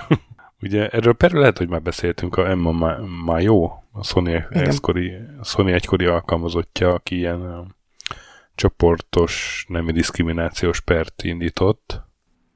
Pont a múlt hónapban beszéltünk, hogy ugye a, a bíró elutasította a keresetnek egy jelentős részét, és ez ugye azért utasította el akkor, mert nem voltak benne konkrétumok, nem voltak Igen, példák hozva. Annak a fejleményeként egy új ilyen szűk, szűkebb körű panasz nyújtódott be, ami már nem országos. Tehát egy, az, az az akkor már azt jelenti, hogy nem is csoportos, ugye? Hát ezt a részét nem tudom, de... Ja, itt van, igen, hogy ahelyett, hogy az összes a, az Egyesült Államokban a PlayStation vagy a sony dolgozó nő kártérítését követelné, csak egyes telephelyen ken dolgozó nők. Igen, gondolom, ahol ő dolgozott. Követeli. Igen, igen, igen. És San Francisco, San Diego, igen, igen, igen, és állítólag példákat hozott a, a nők megkülönböztetésére. Egyébként ez egy teljesen kultúrált perlementelnek tűnik ilyen nagyon messziről, hogy figyelj, nem hoztál példákat, meg túl általános, oké, okay, itt vannak a példák, és legyen szűkebb, tehát ez így egyelőre ilyen korrektnek tűnik. Úgyhogy ehhez is annyit értünk, mint a bezjégőrbékhez. Én ehhez talán még kevesebbet értek. Én jogi ízékben ne vagyok teljesen veszve. Na de. Új PS Plus bevezetés. PlayStation Now, PlayStation Plus összekeverés, és elindult néhány ázsiai országban, és nem simán. Gyakorlatilag, ahol, ahol az egyik Discordos srác mondta, hogy ő látott egy olyan megfogalmazást erről, hogy ilyen precíziósan mérnökileg úgy van kialakítva ez a bevezetés, hogy mindenkit a lehető legjobban fejdegesítsen. és tényleg, mintha, mintha így összegyűltek volna, és hol tudunk kiszedni alkatrészeket, hol tudunk belerugni ebbe a tervbe, hogy még működjön valahogy, de nem jól, és ebben benne van az is, hogy az ígértnél sokkal kevesebb játék, főleg a PS2-es, PS1-es, ami ugye a legdrágább szintnek a vonzereje lenne, hogy ugye retro Igen. játékokkal is tudsz játszani. Uh, és ugye néhány ázsiai országban indult el, Japánban nem, mert az egy tök külön piac, Taiwan, Hongkong és néhány környező régió, ahol ugye nagyon sok játék angolul jelenik meg, mert ha nem is hivatalos nyelv, de egy általánosan beszélt nyelv az angol. Egyrészt nagyon kevés játék van, tehát ilyen tíz alatt van a PS1 játékok száma, és talán PS2 játékból még kevesebb. Ez ugye az ígértekkel kicsit ellentétben van, egyébként nem egy beta teszt, hanem konkrétan ott már elindult. Lehet, hogy amikor Európában elindul, ehhez még hozzájönnek, de hát ez ugye, ezt még a Sony sem mondta, hogy ez meg minden máshogy lesz. Uh-huh. Aztán, amikor elindult és elkezdtek játszani az emberek ezzel a kevés játékkal, akkor egyrészt kiderült, hogy az emuláció elég gagyi. Főleg a PSP játékoknál, tehát a Ridge Racers 2, ami egyébként egy tök jó versenyjáték, és a rajongók által készített emulátorok sokkal szebb látványt tudnak generálni egy csomó plusz dologgal, ami pozitív ebben, hogy belekerült, tehát ugye egy, írtak egy full emulátort, van benne quick save, van benne visszatekerési lehetőség, és néhány játéknál trófákat is tettek be, tehát ez, egy pozit, ez a pozitív része. Maga a látvány főleg a PSP játékoknál, ami ugye egy pici kézi konzol volt, amit most akár 4K képernyőkre kell fölhúzni, az lehetett volna sokkal jobb is, aztán van néhány ilyen teljesen randomba ki, hogy a PSP játékoknál is be lehet kapni a CRT scanline-okat, ami ugye sosem volt PSP játéknál, de valamiért beletették. De az igazi nagy gáz, hogy a a régi konzoljátékoknál mindenhol a PAL verzió, vagy majdnem mindenhol a PAL verziókat használták, ami ugye sokkal lassabb volt, uh-huh.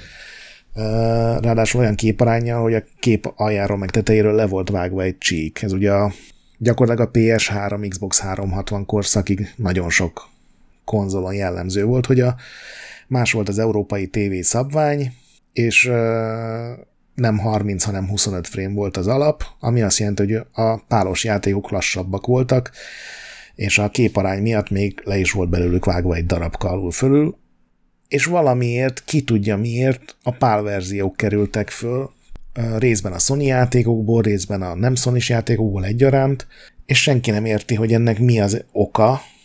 Az egyetlen kicsit logikus a Sony végig csöndben maradt ezzel kapcsolatban, tehát ők nem nyilatkoztak azóta sem, hogy ugye a pálos kiadásokon van még négy nyelv, mert ugye Az amerikai verziók csak angolul beszéltek, de Európában majdnem minden játékban rárakták a francia, német, olasz és spanyol nyelveket is.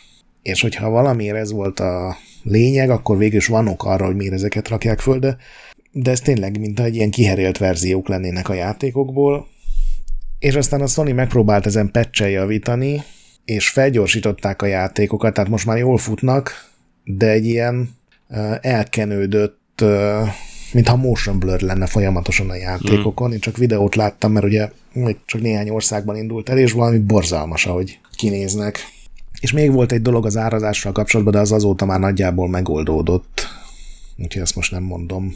De hogy egyelőre ez nem az az ünnepelt retro parti, amit talán sokan vártak volna, hanem egy ilyen, mintha gőzük se lenne azoknak, akik ezt leprogramozták, és megcsinálták, hogy, hogy, hogy mit csinálnak. Aztán hát sajnos volt ugye egy texasi iskolai lövöldözés, egy gyerek lelőtt 19 diákot, két tanárt, aztán őt meglelőtték a rendőrök, és a sérültek száma is ilyen 10 sok volt. És amiért erről beszélünk így a havi gamer hírek között, az, az amit Stephen McGraw rendőrfőnök, vagy hát ez a DPS főnök, ez a Department of Public Safety, az mi? Köz, közbiztonsági hivatal, vagy, hivatal, vagy minisztérium, vagy akármi. Hogy hát nem tudjuk az okokat, de azt tudjuk, hogy az elkövető benne volt a sziberjátékokban és a ilyen multiplayer játékokban. Nem, csoportjátékokban volt benne. Jó, hát itt már finomítottam, itt már szépítettem el, hogy csoportjáték semmi értelme. Igen, úgyhogy nem tudjuk, hogy mi történt, de, de a videójátékok nem tudjuk, mi történt, a, a videójátékok. Igen, igen, és annyira fárasztó már ez tényleg, hogy bele se kezdek. Igen, ez csak egy ilyen nem is kell ebben jobban vele mennünk szerintem. Hogy még, még mindig itt tart Amerika. Menjünk át egy kevésbé fatális balhéra, de hát ugye ez is balhé. Egy ismert kereskedő állítólag ritka, drága videójátékok hamis másolatét árulta, és ezek közül néhányat több ezer dollárért vásároltak meg. Ez a Big Box PC Game Collectors nevű Facebook csoport, ilyen több ezer taggal, és a csoport egyik adminisztrátora az rendelt egy csávótól Richard Geriotti játékokat, a Akalabetet, meg a Temple of Upshite, ugye ezek ilyen 79-es játékok, meg a Mystery House japán kiadását, és amikor megkapta, akkor hát felmerült benne, hogy ezek bizony hamisítványok, és ezt a gyanúját ezt közzé tette, és akkor a csoportból így mások is előkerültek, hogy hát igen, ők is így jártak ezzel a csávóval, ez a bizonyos Enrico Riccardi, Ric, Ric, nem, Enrico Ricciardi, Ricciardi. Nem fogok megfejteni. Két szét hogy ejtjük? Hát attól függ, hogy olaszosan ejti vagy angolosan, úgyhogy gőzünk sincs ja. Enrico. Ő, pe, ő, ő persze tagad mindent. De hogy, hát igen, erre egyébként a, vigyázni kell, a magyar Facebook csoport is van ez a retro játékok gyűjtői, nem tudom mi a pontos neve, valami ilyesmi, és ott is így folyamatosan vannak ilyen figyelmeztetések, hogy ezzel a csávóval vigyázzatok. De hát ott azért nem hamisítványok miatt, ha nem tudod, ilyen eltűnik a pénzzel. Uh-huh. Ez a direktebb magyar módszer. Igen, hát ugye kijött ez az első balhé, és akkor, ahogy az lenni szokott, minden ember, aki korábban kapcsolatban volt vele, az is így megnézte a saját cuccait, és most már több mint százezer eurónyi játékról Aztán. derült ki, hogy tehát százezer eurót költöttek rá, hogy, hogy ezek hamisítványok, és nyilván ez még nem egy lefutott ügy, mert ez a fickó, ez év, több mint egy évtizede ott volt a csoportban, majdnem egy évtizede adminisztrátor, egy ilyen köztiszteletben álló fickó volt, sokszor beszélt a hamisítások veszélyeiről, volt, akit ő leplezett le állítólag, 5 vagy 6 éve volt egy ilyen pici balhé, és mostani visszaemlékezések alapján tudod, ilyen, hogy ilyen teljesen nyilvánvaló utólag. Közben senki nem veszi észre, mert miért venni részt, de hogy mindig volt nála ilyen ritka játék, mindenkit, aki üzletelt, megkérte, hogy maradjon csöndben, mert hogy annyira jó árat ad neki, hogy nem akarja erre fölhívni a figyelmet, hanem ez csak neked csak most csak 5000 dollár. És ugye ilyen Sierra meg Origin Systems-es játékokból sokkal több fordult meg rajta keresztül, mint amennyinek így logikusan kellett volna, és mindegyik tökéletes állapotú volt, és aztán utólag kiderült, hogy még ilyen játékfejlesztőkkel is jóban volt, tehát a John Romero meg a Richard Gary ott is ismerte, meg volt voltak közös fotóik, és tudod, ez még így építette a bizalmat, és a fickó mindent Hú, de kemény. tagad, pedig mondom, már több mint 30 játékról teljesen biztosan állítható, hogy hamisítvány, amit tőle vettek mindenféle emberek, és elég csúnya ügy. Fú, ezt nem, a volument azt az meglepett annak. Igen, hát ezek ugye nagyon drága, tökéletes állapotú akalabet, amit ugye annó nejlonzsákban árultak, tehát csoda, hogy ez megélte egyáltalán az új évezredet. És abból is ilyen tökéletes állapotú példányok vannak, és itt Twitteren néztem egy csomó ember ilyen, tudod, ilyen az egész vagyonát ezekre a gyűjteményekre költi, és, és így összeomlanak Twitteren, hogy hát igazából így, hogy nem eredeti, semmit nem ér egy nejlonzsák, meg egy floppy. Szerintem mondjuk több ezer dollárt úgy sem ér, hogy igazi, de nyilván ez, aki gyűjtő szenvedélye van, az tök máshogy gondolja, ez, ez, ezt megértem, de gondolom nálunk is érdemes odafigyelni erre, hogyha valaki használt játékot vesz, főleg, hogyha valami nagyon ritka kincset, hogy az tényleg igazi -e. De kemény. Aztán a Stalker 2 fejlesztése folytatódik. Ugye, amikor a ukrajnai háborús hírekről, vagy ukrajnai háborús következményekről beszéltünk egy-két hónappal ezelőtt, akkor én ezt mondtam már, hogy volt olyan plegyka, hogy ők ö, Prágába költöznek, és Mhm. ott folytatják a játékfejlesztését, és hát most kiderült, hogy tényleg megtörtént, és hivatalosan életjelet adtak, és folytatódik a Stalker 2 fejlesztése. Hát ez jó hír tulajdonképpen. Ezzel hasonló hír, hogy a, volt ez a Frogverse nevű ilyen AA középkategóriás fejlesztőcég, ők is ukránok, vagy legalábbis az egyik stúdiójuk, és ők például az Epicnek vannak ilyen játékfejlesztői ösztöndíjai tulajdonképpen, uh-huh. és ezt így némileg átalakítva, de megnyerték arra, hogy a stúdiót el tudják költöztetni.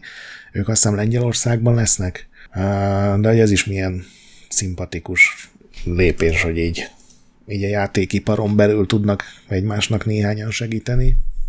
Aztán Igen. rögtön bejelentettek egy játékot, amikben gonosz oroszok ellen kell harcolni, ami gondolom természetes következmény egy ilyen helyzetben.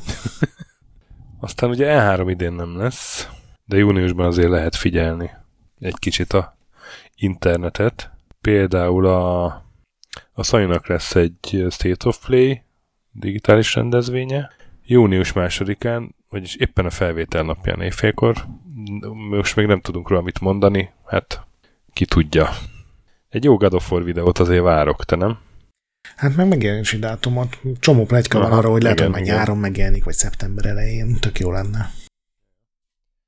Aztán a Microsoftnak lesz június 12-én, szokásos. Ugye itt valószínűleg már Betesdával együtt, ugye?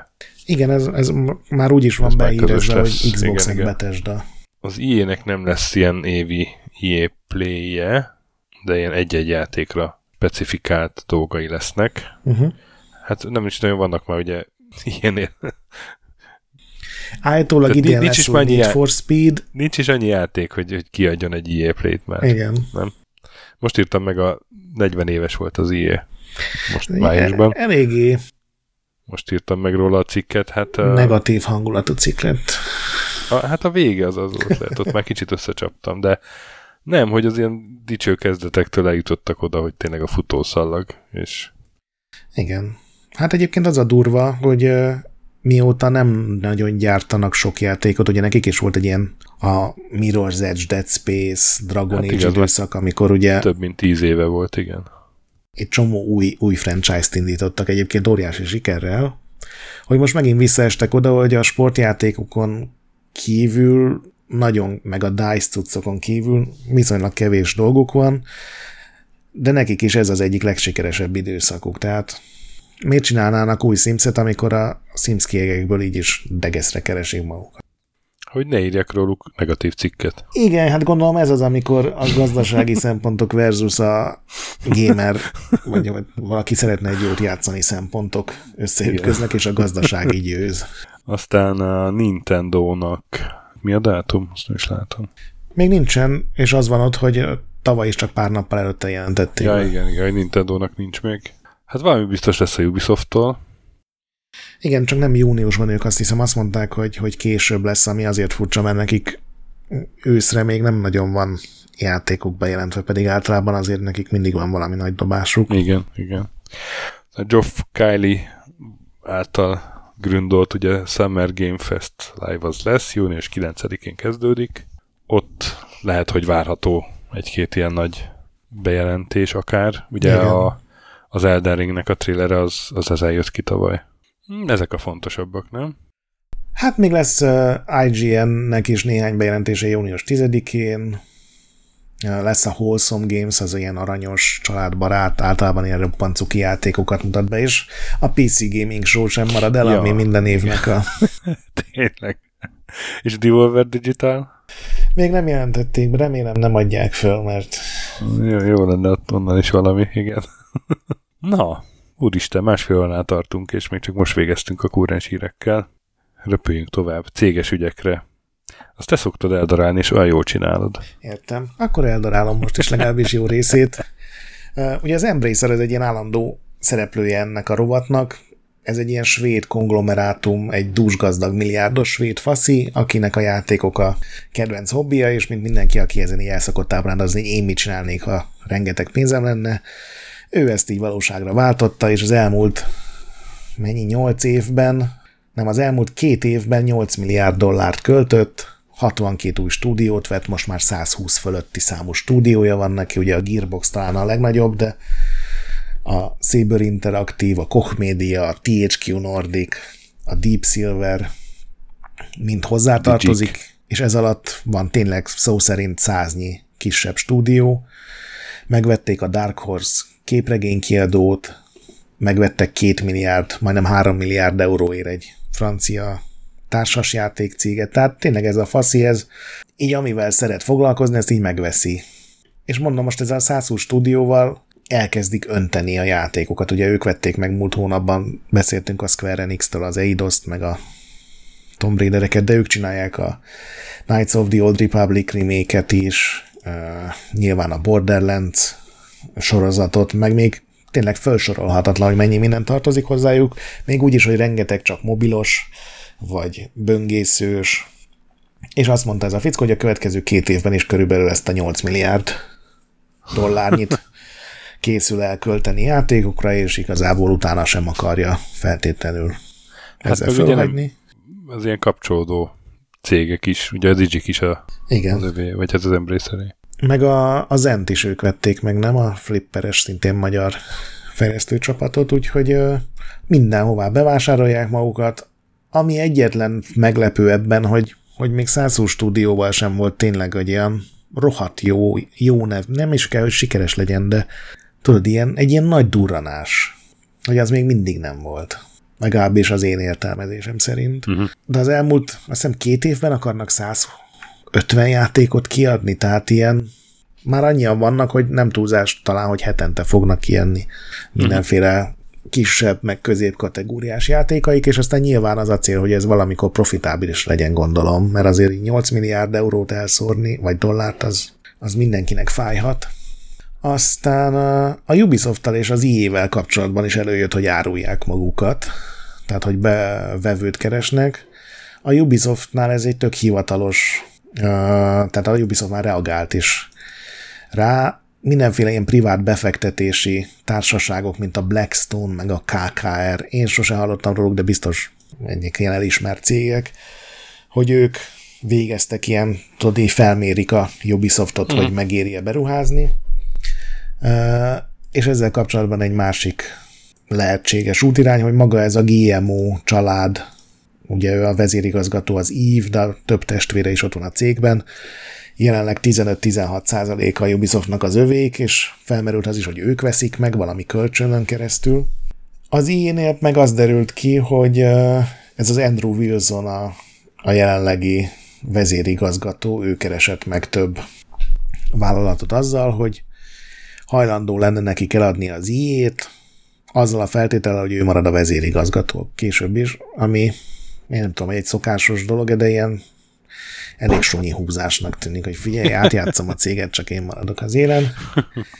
Itt az Apple, a Disney, illetve a, ez a Universal NBC uh-huh. Comcast cégcsoport tűnt fel, mint ilyen lehetséges vevők, illetve az Amazon. Tehát főleg olyan vállalatok, akinek semmi köze nincs a gaminghez, és valószínűleg pont ezzel tudná indokolni, hogy miért maradjon ő az élen, hiszen ő megért a gaminghez, vagy legalábbis ott van, úgyhogy ezek is ilyen mind hivatalosan, félhivatalosan megerősített tárgyalások. Az, hogy persze történni fog valami, az semmi nem garantálja. Aztán beszéltünk múlt hónapban arról, hogy Szaudarábia egyik ilyen befektető, ilyen hivatalos állami királyi befektető cége, amit az a szaudi herceg irányít, aki ugye vádak szerint feldaraboltatott egy újságírót, mert fölmert tenni néhány kérdést. Ők megvették az SNK-nak a mennyit, 95%-át? Egy iszonyatosan nagy uh-huh. részét. Most a Nintendo-ba ruháztak be, 5%-ot vettek. Ez nyilván befektetési szándék, tehát arra játszanak, hogy emelkedni fognak a részvények, és akkor az 5% jövőre sokkal többet fog érni, mint ma. De hát azért nem tudom, így nem jó érzéssel mondja ezt az ember ezeket a híreket.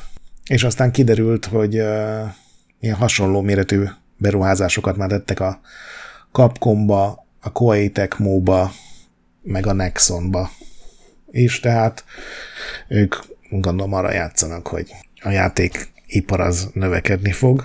És az utolsó dolog, amire szerintem érdemes kitérni, hogy a, az EU-nak 18 országa, sajnos nem találtam meg a listát, tehát nem tudom, hogy Magyarország köztük van-e, és 20 fogyasztóvédelmi szervezete is egy ilyen nagyon átfogó lootbox vizsgálatot indított regulációs szándékkal, tehát hogy ha mindent átvilágítanak és átvizsgálnak, és elkészülnek a jelentések, akkor az alapján valamilyen módon a lootboxokat szabályozni kell. Ó, de itt van a lista, most ebben a pillanatban megtaláltam, nincsen köztük Magyarország. Nem tudom, bárkit meglepe. És most ez ott tart, hogy ezek a fogyasztóvédelmi szervezetek, szervezetek nyilván a saját piacukon meg egy ilyen globális vizsgálatot is indítanak, és a belga meg norvég szervezetek is vannak benne, tehát gondolom ki fog derülni egy-két éven belül, hogy várható egy ilyen nagy EU-s ellenállás vagy szabályozás az lootbox dolgok ellen. Igen, erről azért esett már szó, ugye, amikor a belgák mm. bevezették, hogy ez, ez érik az EU szinten is. Hát igen, csak gondolom például egy Nagy-Britannia, ahol sokkal nagyobb a játékpiac, és gondolom lobbiznak a ő saját kiadóik, az tök másként viszonyul hozzá. Na jó, de ők már nincsenek az EU-ban. Ha, igen, teljesen igazad van. Egy pillanatra visszautaztam egy jobb időbe. hát, hogy, hogy már így örültek. Na, végre megindulhat itt a, a lootbox elleni hadjárat, ha kitakarodnak a britek. No, aztán retrós hírek a hónapból. Montezuma's Revenge NES Kickstarter. Montezuma's Revenge egy 1984-es játék. Én nagyon-nagyon szerettem, annak idején C64-en, de ez igazából Atari-ra készült, ha jól láttam eredetileg. Igen.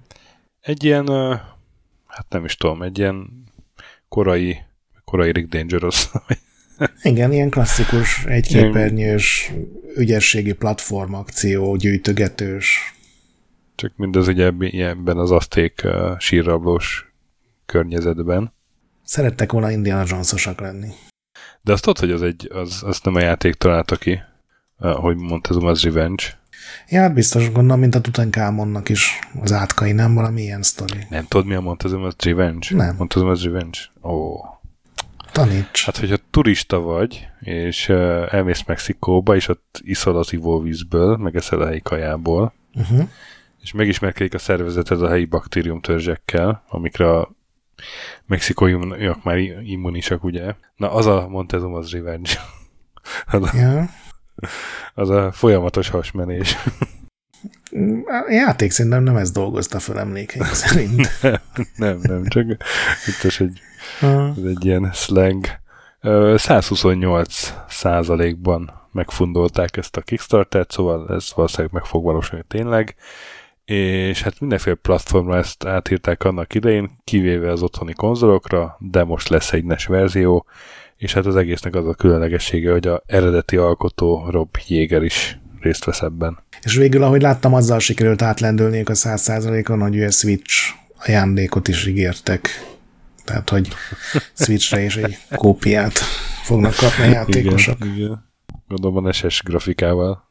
Persze, persze, csak hogy, hogy futni fog. Aztán új C64 játékok, írod. A Retro Gamer Nation YouTube csatorna összeszedte, hogy 2022-ben milyen új C64 játékok várhatók, és hát uh, egy 16 perces videó, szóval, szóval van jó néhány. Elképesztő, Igen. hogy mennyi. Igen, nekem ez a Strikeback nevű ilyen repülős shoot'em tetszett nagyon, az alatt jó néz ki. De meg van ez az hát Ascent nevű, kettő. ilyen az nem néz ki jól egyáltalán. Olyas kicsit, mint a Load Runner. Az benne az extra, hogy vannak ilyen kövek, amiket ből te tudsz ilyen akadályokat, meg platformokat építeni, ez egy ilyen tök jó ötletnek tűnik, bár ez még 85-ben is rondácska lett volna, de nem mindig az számít. Uh-huh, uh-huh. De igen, az, amit te mondasz, az is nagyon jó. Igen, de, de úgy meg van olyan játék is, ami ilyen ötletes, tehát ahol a, az se látványos annyira, hogy ilyen bűnösök járulnak eléd, és akkor a jóisten nevében ki kell osztanod rájuk a büntetést. Igen, igen, igen. Az is, csak az, ott, ott meg az ötlet maga fura. Ö, belinkelem a videót, hát ezt nézzétek meg bátran. Igen. Egy ilyen extrém látványos Star Wars hot pályával, hot játékkal kezdődik, ami nem tűnik nagyon jó játéknak, de eszelősen jól néz ki. Aztán a Marble Madness 2-t végre engedte valami gyűjtő dumpolni, és ezért fönn van a Archive Orgon, most már lehet játszani vele. Igen, ez, ez egy ilyen hiányzó, verzió. Hiányzó izé volt, hiányzó. Igen, ez is megbukott a lokációs tesztem. Valami tíz darab készült belőle, amiből néhány megsemmisült, a maradék meg gyűjtőknél volt, és ez egy ilyen, uh, hát nem mondom, hogy Szent Grál, de erről, ez is egy olyan játék, hogy mindenki tudott róla, viszonylag ismert franchise, és a gyűjtők éveken keresztül azt mondták, hogy nem, nem adják ki a kezükből, és most valakit sikerült meggyőzni, vagy ellopni megint, ugye. Romot volt egy ilyen plegyka pár évvel korábban, hogy, hogy egy ilyen gyűjtő meghívott egy szerelőt, és a szerelő az rárakott egy ilyen mini számítógépet a rendszerre, és leszívott valami játékot. Hát nem tudjuk, hogy hogy készült ez, de most már ez is játszható. Igen, az első része játszott. Ez ilyen izometrikus. Igen. Ugye? Ilyen uh, Mark a golyóval. Volt benne, aki ugye most a sony van, meg talán az Archer McLean, hogyha jól emlékszem. Aztán uh, Robert Kopp 2. What? Volt az a nagyon híres, ilyen nyilván nem licenszelt ilyen akciófigura a Robert Cop 2-ről. De én, nekem engem nullától zárkóztas fel, mert én életemben nem hallottam a Robert Cop egyről se. Robocopról hallottam. Na hát ez egy Robocop figura volt, ami ilyen nagyon béna volt, és Robert Cop néven árulták. Ez egy akciófigura volt ilyen uh, valami olyan országból, ahol annyira nem vették komolyan a, az intellektuális jogokat és mhm. írni se tudtak, és ezért Robert Kopp 2 lett, és ez önmagában annyira vicces, hogy ugye ilyen kicsit híres lett, és valaki csinált ebből egy, nyilván egy Robocop játékot átalakítva, egy Robert Cup 2 Mega Drive játékot, és ha jól emlékszem, ez már tavaly előkerült egy példány, de most ezt is sikerült ilyen tökéletes állapotban dámpolni, úgyhogy Robert Koppal lehet játszani. Én ajánlom, mert sokkal jobb, mint a neve alapján gondolnád. És akkor te jössz a Voodoo defekt, detektív magyarázásával. Igen, hát a Voodoo detektív, azt gondoltam, ejtsünk szót róla, hogy aki hiányolja az ilyen régi vágású point and click játékokat, annak az esetleg tegyen egy próbát a Voodoo detektívvel, ami most jött ki május 24-én, pár napja, és tényleg egy ilyen klasszikus point and click, nagyon szépen megrajzolva, nem játszottam még vele, de szerintem ki fogom próbálni, mert, mert jól néz ki, kézzel rajzolt hátterek, szóval egy, egy ilyen igazi jó kis retro játéknak tűnik. Mm, Steam-en elég pozitív visszajelzései vannak. Jól néz ki nagyon. Egy, ja, egyébként meg a Short Sleeve Studio nevű cégnek az első játéka, és hát én 100 koronában látom az árat, de az azt jelenti, hogy nem, nem egy teljes árujáték ráadásul. 19,50 euróban. Nálam így most megkerestem, hozzá is adtam a wishlisthez. Tényleg szimpatikus nagyon. Igen. És hát uh, még azt szeretném elmondani, hogy valaki megcsinálta a scrollozódó Jet Set Willy-t PC-n.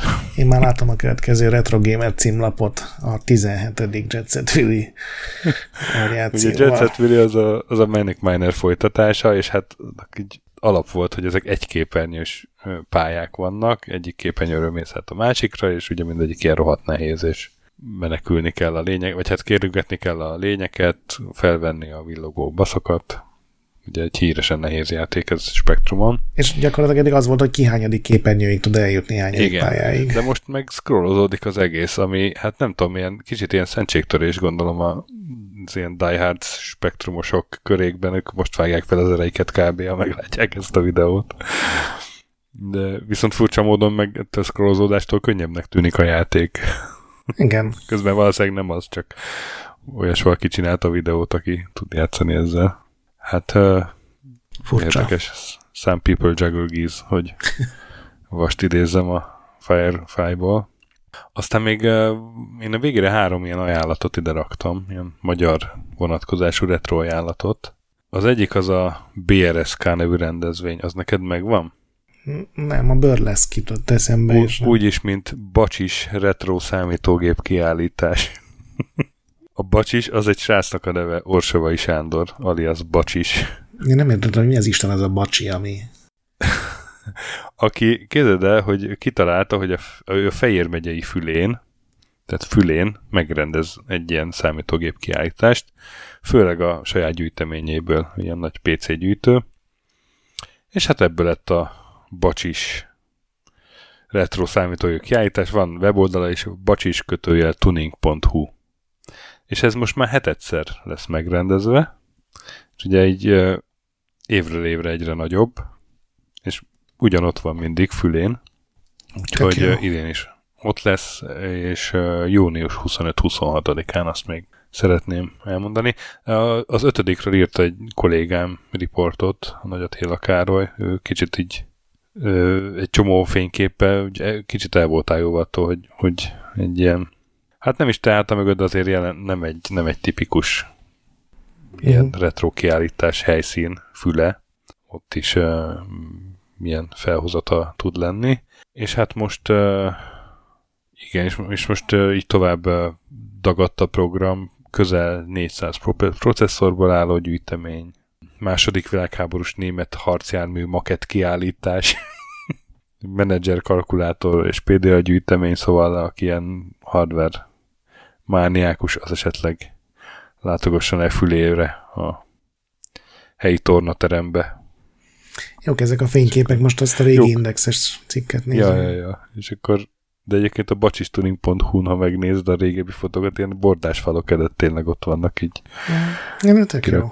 gépek, játékok. Mindenféle a, gépek. És tovább a vidéki gamer rendezvények mentén árokparti is lesz idén, megint, Covid után, június, július 1-3 majka. árok.intro.hu a weboldal, ugye ezen voltunk egyszer a Beregi Tomival első fejlesztő játékokról beszélgettünk.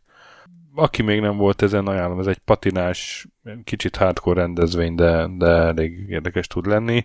Ahogy láttam a pro- programban, most több olyan emberi szerepel, aki volt már a checkpointban vendég, például Képes Gábor fog uh, számológépezni, meg Gonda Zoli lesz ott a newcomer, aki csinálta, hiszen, és akkor ez a harmadik ilyen ajánlatom, megjelent a Newcomer könyv, befejezte a Newcomer regényt. Oh.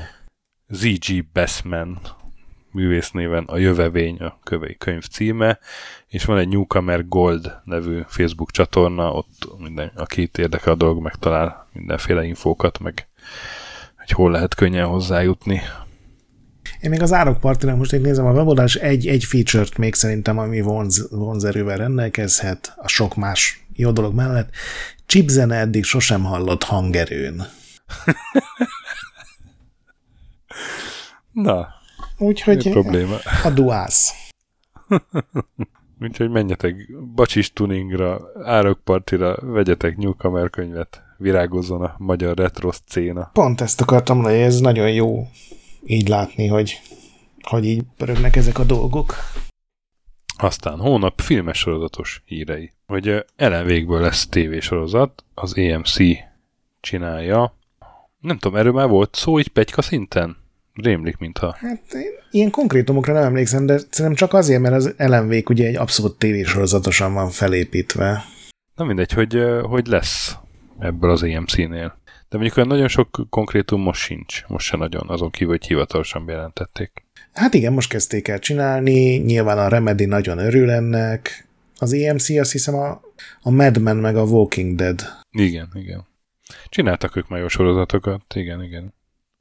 És a szemlék ugye benne van, maga Max Payne. Igen, hát majd meglátjuk ugye, hogy egyrészt miről fog szólni, hogy a első játék sztoriát meséli el, a második játékhoz lesz közel, mert ugye a Remedy csinálja, most már bejelentették, Igen. hogy full produkció, tehát teljes fejlesztés alatt áll az LMV2. Egyelőre azt lehet mondani, hogy ebből lehet valami még. Akár jó dolog is, amit azért nem mindig magától értetődő az ilyen videójátékos tévés híreknél. A második hírünkre gondolsz? ugye, hogy mennyire érezted, hogy ez az átkötés Twisted Metal, Peacock, ugye Peacock az az NBC-nek a, a ilyen streaming szolgáltatója, a, ott lesz Twisted Metal sorozat, és Neve Campbell a főszereplő, akit hát utoljára én a Sikolyban láttam sikoltozni. Igen, és a Will Arnett is szerepel benne, ő lesz a, ugye a lángolófejű bohócnak, a Sweet Tooth-nak a hangja, ez egy animációs sorozat lesz ez alapján, mert Mondjuk Villánettől minden egy kicsit jobb lesz szerintem, én nagyon bírom Igen, a Igen, az egy szimpatikus karakter, főleg amikor ilyen férget játszik. Nézted ezt a, ezt a ilyen nyomozós sorozatát most a, a Murderville című sorozatot? Nem, érdemes. Hát, ha szereted ezt a fajta humort, akkor, akkor is ilyen, igen, ilyen uh, Murderville egy kitalált város, ahol mindig történik valami gyilkosság, és akkor a Villánet egy ottani nyomozót játszik, ilyen kiégett nyomozót, akit kísért egy régi ügy, Ilyen és extrém akkor, paródia? És akkor minden részben van egy ügy, és minden részben kap maga mellé egy, egy társat, egy partnert. Le, aki láttam, a neve, neve egy, hír, igen. egy híres színész, vagy híresség, aki saját magát játszott. Tehát például Sharon Stone, mint Sharon Stone a nyomoz a Villarnet karakterével együtt, és ilyen improvizációs komédia az egész, mint a, nem tudom, a beugró volt, csak kicsit így, így több díszlettel van megcsinálva, tudod, és igen, hogy a vendégek nem kapnak forgatókönyvet, tehát nem tudják, Így van, így van, viszont nekik kell kitalálniuk a végén, hogy ki volt a tettes, ami ad neki még egy ilyen csavart, hogy akkor lehet közben így és így jól fel vannak építve. Szóval, hogyha ezt a fajta humort szereted, itt olyan a Conan O'Brien, miközben valakit kikérdeznek, akkor így elkezdi etetni a Villarnet ilyen kajával, így étteremben vannak, hogy hú, kóstold meg, ez nagyon jó ez a szósz, és akkor nyilván ilyen super cheaper szósz, és voltak benne, volt az az emlékem, hogy voltak benne nagyon jó részek, meg nagyon gyengék, attól függően, Igen. hogy a vendég mennyire vette így ezt van, az improvizációt. Így van, így van, ez nagyon, nagyon a vendégtől függ, így van, tehát nagyon hullázik. Na mindegy, villarnetet szeretjük, ez a lényeg. Hát de ebben a Twisted Metal sorozatban így nem úgyse bízok feltétlenül. És ugye beszéltünk az ilyen pénzügyi jelentésekről, és a sony a pénzügyi jelentésében volt az, hogy tíz sorozat, már tíz játékukból készül jelenleg sorozat vagy film, amiből hetet ismerünk, az egyik ugye a Twisted Metal, uh-huh. de nyilván hallottunk már, meg beszéltünk sokat a Last of Us-ról, ami az HBO-n lesz, a Ghost of Tsushima-ból film lesz, az Uncharted-ből volt film és lesz is folytatása, és van három új bejelentés. Film lesz a Gran Turismo-ból, ami én széttett kezekkel állok és nézek az ég felé. Jó. És lesz még két sorozatuk. A Netflixen a Horizon játékokat dolgozzák fel, ez ugye a dinoszauruszos, robotállatos Gépállatos, Gépállat, igen, nem csak igen, dinók vannak. Igen, igen, igen. Élő szereplősre tervezik, hát a Netflixnél ez nagyon sok helyen mehet félre, én úgy gondolom. Az Amazon pedig a God of War-nak vette meg a jogait, és már készülnek a tervek. Elvileg ezek már olyanok, amik jóvá vannak hagyva, tehát legalább egy évad lesz belőle. Ott azért szerintem érdekes kérdések vannak, már csak arról is, hogy melyik korszakát Kratosznak dolgozzák föl az újat északon, vagy a régit Görögországban, vagy kitalálnak valami teljesen újat mondjuk Egyiptomban, úgyhogy ez érdekes lehet. Azt nem hiszem, hogy jó lesz, de majd meglátjuk öt év múlva, amikor elkészül az első rész. És van még két kisi hír, ami az egyik egy ilyen hasonló bejelentés, a Final Fantasy 9-ből lesz egy ilyen animációs, de nyugati stílusú animációs sorozat, és megjelent a Chip and Dale film, gondolom nem láttad, hogy mert a gyerekeid nem tudnak róla, és ezért nem kell. Nem, de, de tudom, tudok róla, igen, igen. És abban képzeld el az egyik, sőt a legemlékezetesebb karakter, az Ugly Sonic, az a figura, aki ugye a legelső Sonic film thrillerben szerepelt, ami mert újra kellett tervezni az egészet, mert az egész világ gyűlölte. Berakták állítólag egy ilyen tök hosszú jelenetbe, meg beszél meg minden, és állítólag ez az egyetlen vicces dolog az új Chip filmben, ami szerintem tök szomorú, de Sonic így terjed ilyen parazitaként. Úgyhogy már csak az ilyen rövid, halasztásos, bejelentéses, megjelenéses hírek vannak, ezeken gondolom végig söprünk. Igen. Hát főleg, hogy nem nagyon van sok halasztásból se. Már nincsen játék idén, amit el lehetne halasztani, de a Starfieldet és a Redfall 2023 első felére tolták. A Starfield nyilván nagyon szomorú, de gondolom nem akarnak egy ilyen cyberpunk-szerű, vagy akár ilyen Halo Infinite-szerű balhét, és inkább adnak neki még fél évet. Úgyhogy reméljük ez jól sül el. Aztán játékbejelentések, játékbemutatók. Bemutatkozott a Warcraft mobil játék, nem tudom, látta, de ilyen MOBA-szerű, stratégia-szerű, multiplayeres cucc. Bemutatta a Respawn a Star, új Star Wars játékokat, a Jedi Survivor-t, ugyanaz a karakter öt évvel később. Részletek még nem nagyon vannak. Bemutatkozott a Sonic Frontier, az új Sonic játék, nyílt világ, a trailer alapján a, az új Zeldát akarják nagyon másolni, és a trailer alapján nagyon kevés sikerrel teszik mindezt. És tegnap, tehát június 1-én volt egy ilyen Warhammer 40 ezres mini E3-as sajtóbemutató egy csomó különböző cég játékaival, és a legjobb szerintem ebben a Bolt Gun volt, nem tudom látta, de egy ilyen retro FPS Warhammer 40 ezer színekben. Modernebbül néz ki egy kicsit, mint a Doom, mert vannak benne poligonok is, de ugyanaz a vad hentelés. Ilyen tök szimpatikusnak tűnt. Aztán a hónap nagy megjelenései, Igazából a Diablo Immortal talán a legnagyobb név, hiszen mégiscsak egy ilyen Diablo mellékszál. mégiscsak. Hát Ki az... fogod próbálni? Ennyit mondj. nem, nem, nem.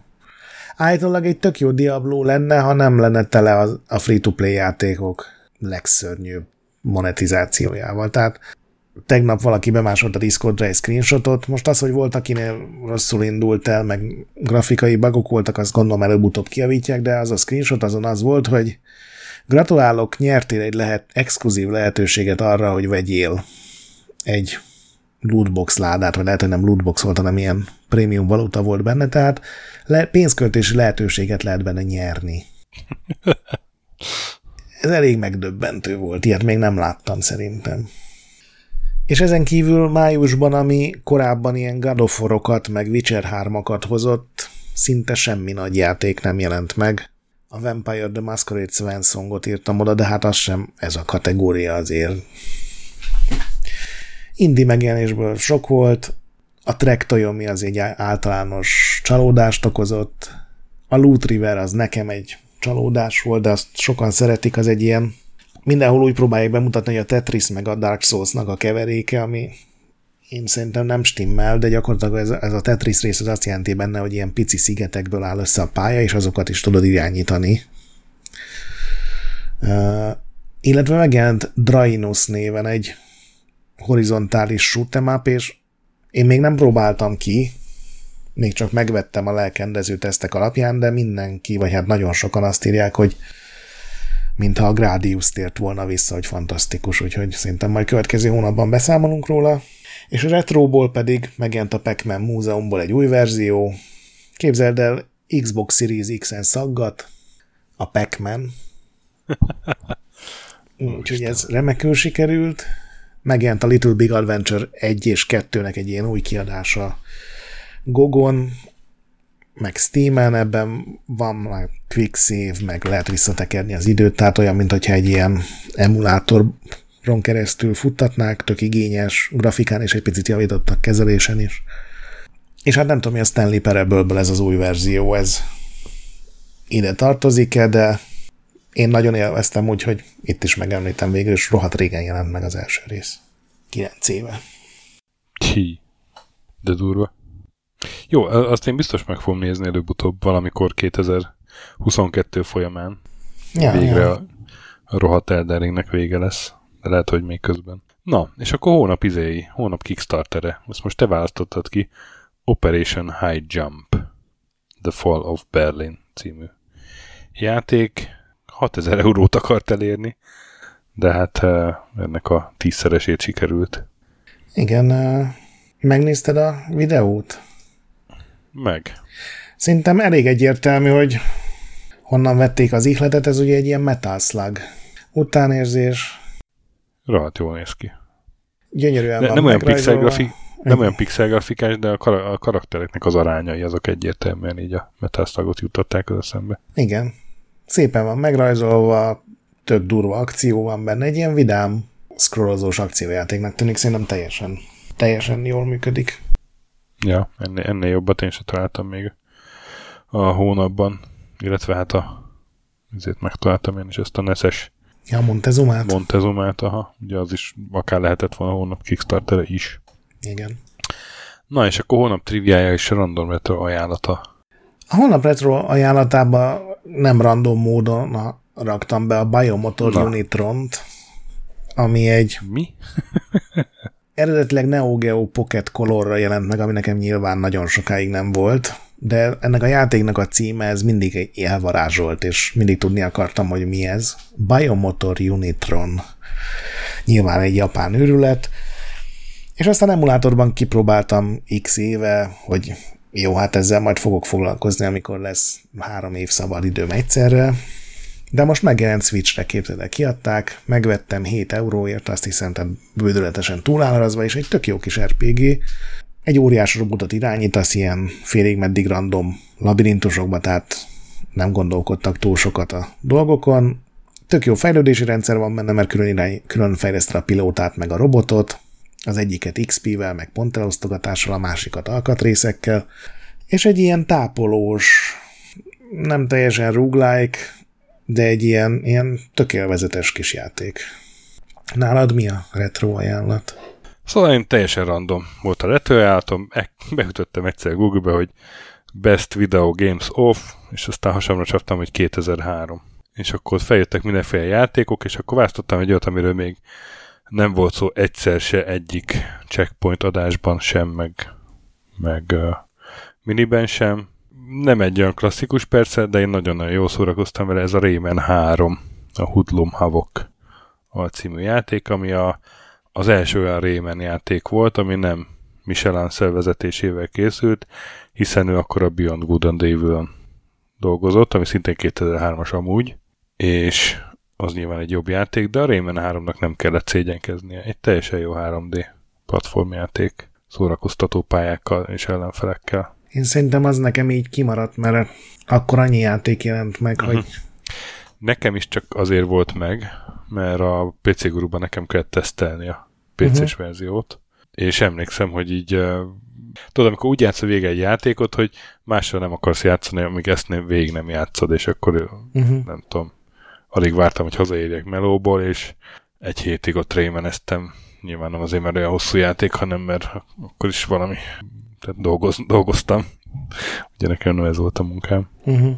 De az egy szép emlék, meg, meg jó. Most így megnéztem el a videót, és még mindig úgy kipróbálnám. Na, és hónap triviája? Hónap triviája egy rövidet választottam, és szerencsére, mert rohadt hosszú adás lett ez valamiért.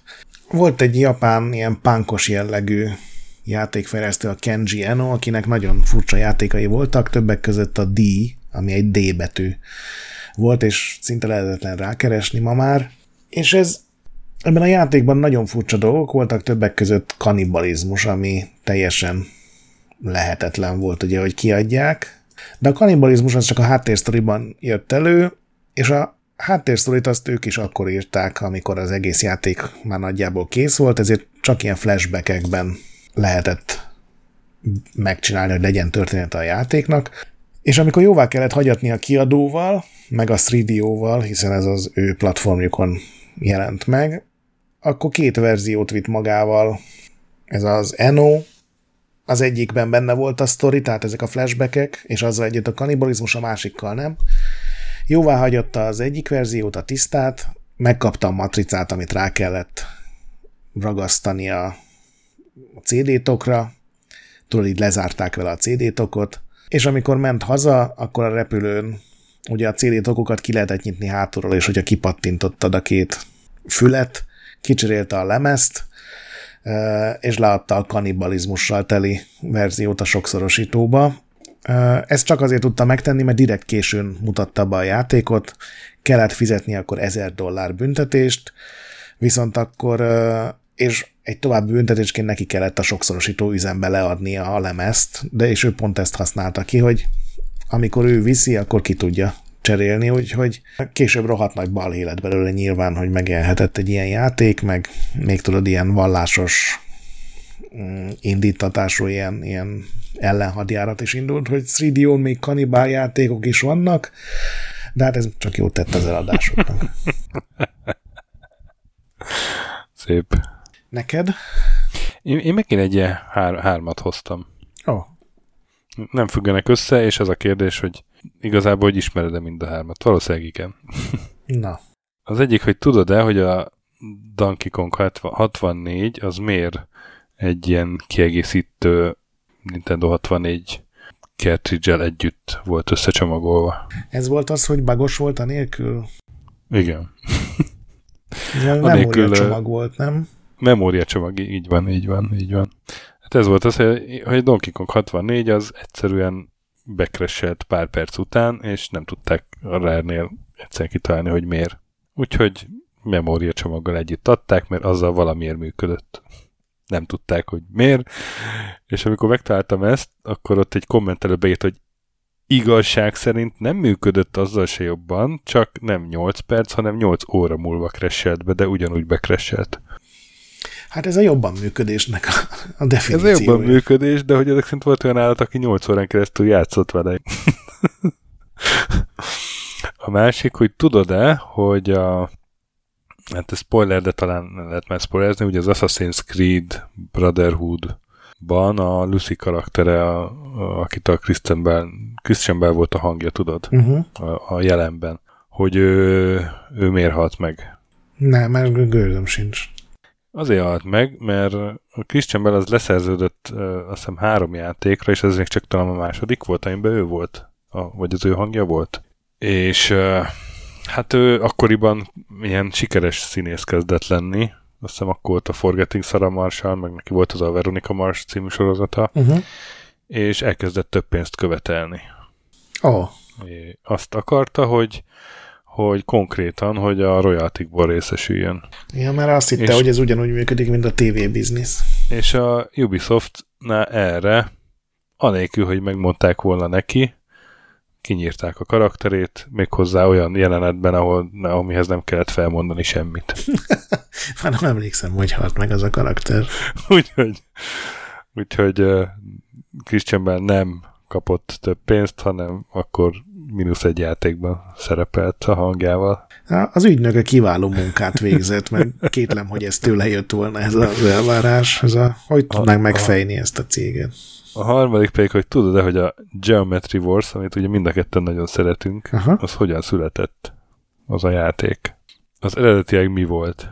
Hát nem eredetileg, hanem véglegesen ugye a Project Gotham Racingben egy a garázsban egy automata volt, és lehetett vele játszani, és aztán kiadták külön, de gőzöm sincs, hogy hogy kezdődött.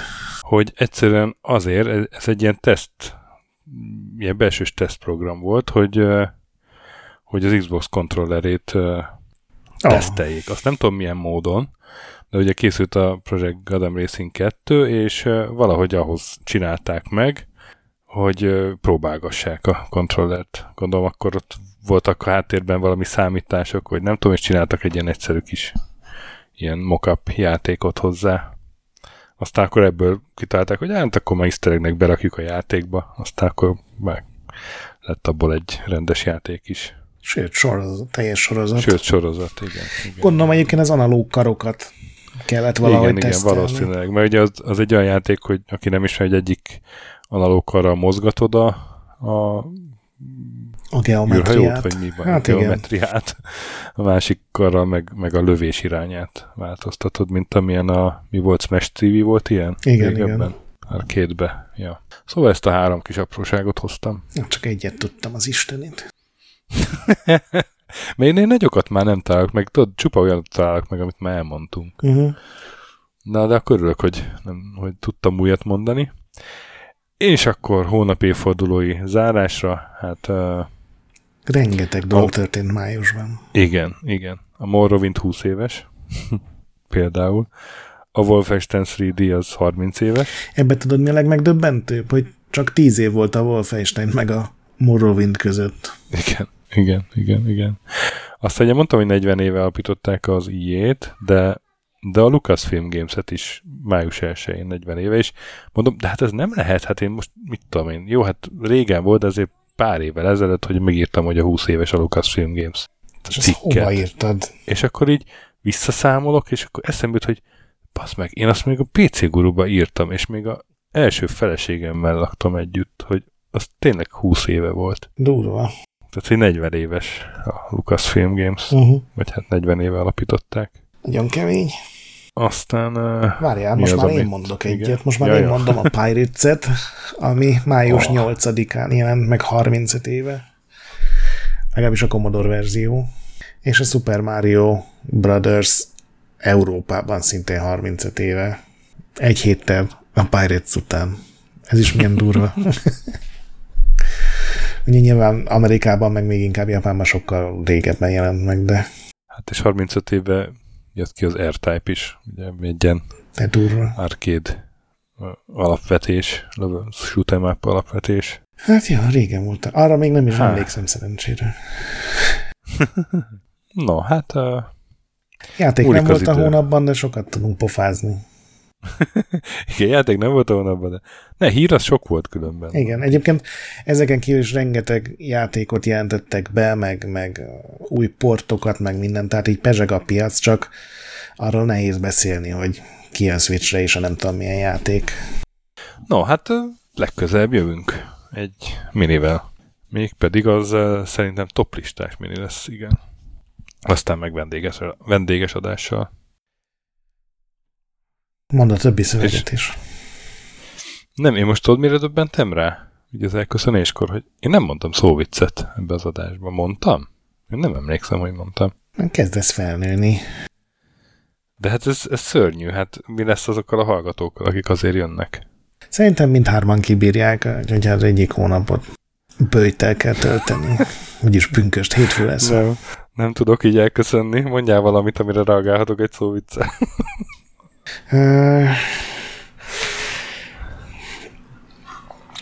Nem, nem tudom. Így, így megrendelésre nem tudok.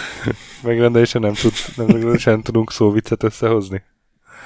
Hát, rettenetes páros vagyunk. Hát örülök, örülök, hogy ezt így kiengedted a világba így a végére. Hú, na, jó, akkor végre. Nagy pixel gyönyörű. Sziasztok. Sziasztok!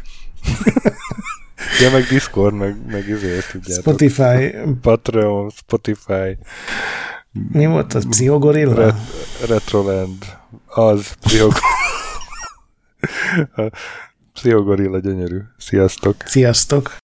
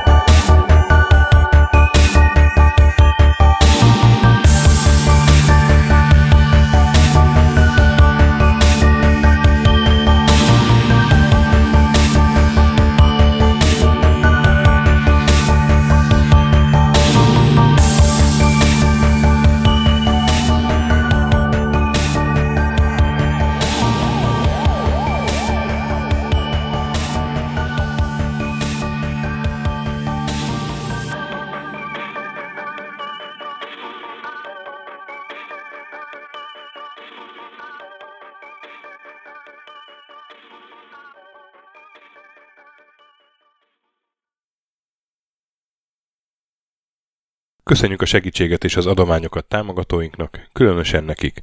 Andris 1 2 3 4 5 6, Pumukli, Bastiano Coimbra de la Coronia Iez Védó, Kis András, Dester, Joda, Kínai, Gatz, Hanan, Zsó, Takkerba, Dancy Sweet Chickens, Gabez Mekkolis, Szarácsi Bálda Réten, Módi, Benő 23, Zorkóci, Alternistom, Retro Station, Nobit, Sogi, Siz, CVD, Tibiur, Bert, Kopescu, Krisz, Ferenc, Zsoff, Edem, Kövesi József, Varjagos, Zsiga Bálint, Loloke, Snake Hips Boy, Csépé, Márton úr, Tomek G, Flanker, Hollosi Dániel, Balázs, Zobor, Csiki, Suvap, Kertész Péter, Richard V, Nyau, Vitéz Miklós, Huszti András, Vault 51 Gamer Bar, Péter, Daev, Enisi, Csalazoli, Veszti, Makai Péter, Zsovez, Mongúz, Beranándor, Arzenik, Nagy Alexandra, Kviha, Mazi, Tryman, Magyar Kistóf, Krit 23, Invi, Kuruc Ádám, Jedi, Harvester Marc, Igor, Pixelever, Oprüke, Estring, Szaszamester, Kecskés János, MacMiger, Dvorski Dániel, Dénes, Kozmér Joe, Sakali, Kopasz Nagyhajú, Colorblind, Vic, Furious Edem, Maz, Mr. Corley, Nagy Gyula, Gergely B., Sorel, Naturlecsó, Devencs, Kaktusz, Tom, Jed, Apai Márton, Balcó, Alagiur, Judgebred, László, Opat, Jani bácsi, Dabrowski Ádám, Gévas, Zabolik, Kákris, Logan, Hédi, Tomiszt, Att, Gyuri, Kevin Hun, Zobug, Balog Tamás, Ellászló, Gombos Márk, Valisz, Hekkés Lángos, Szati, Rudimester, Sancho Musax, Elektronikus Bárány, Nand, Valand, Jancsa Burgerpápa Jani, Deadlock, Hídnyugatra Podcast, Lavkó Maruni, Makkos, Csé,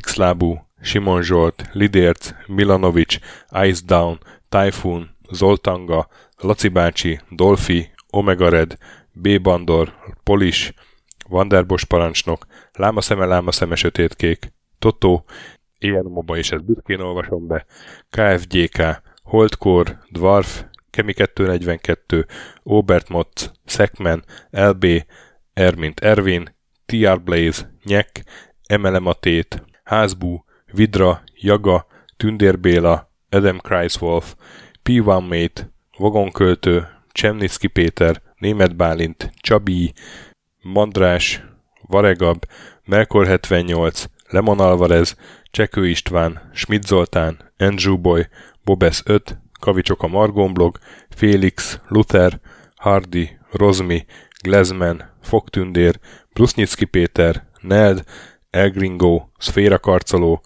Klisz Gábor, Q, Mentolos Kolbász, Gliscard és Albin. Nagyon szépen köszönjük!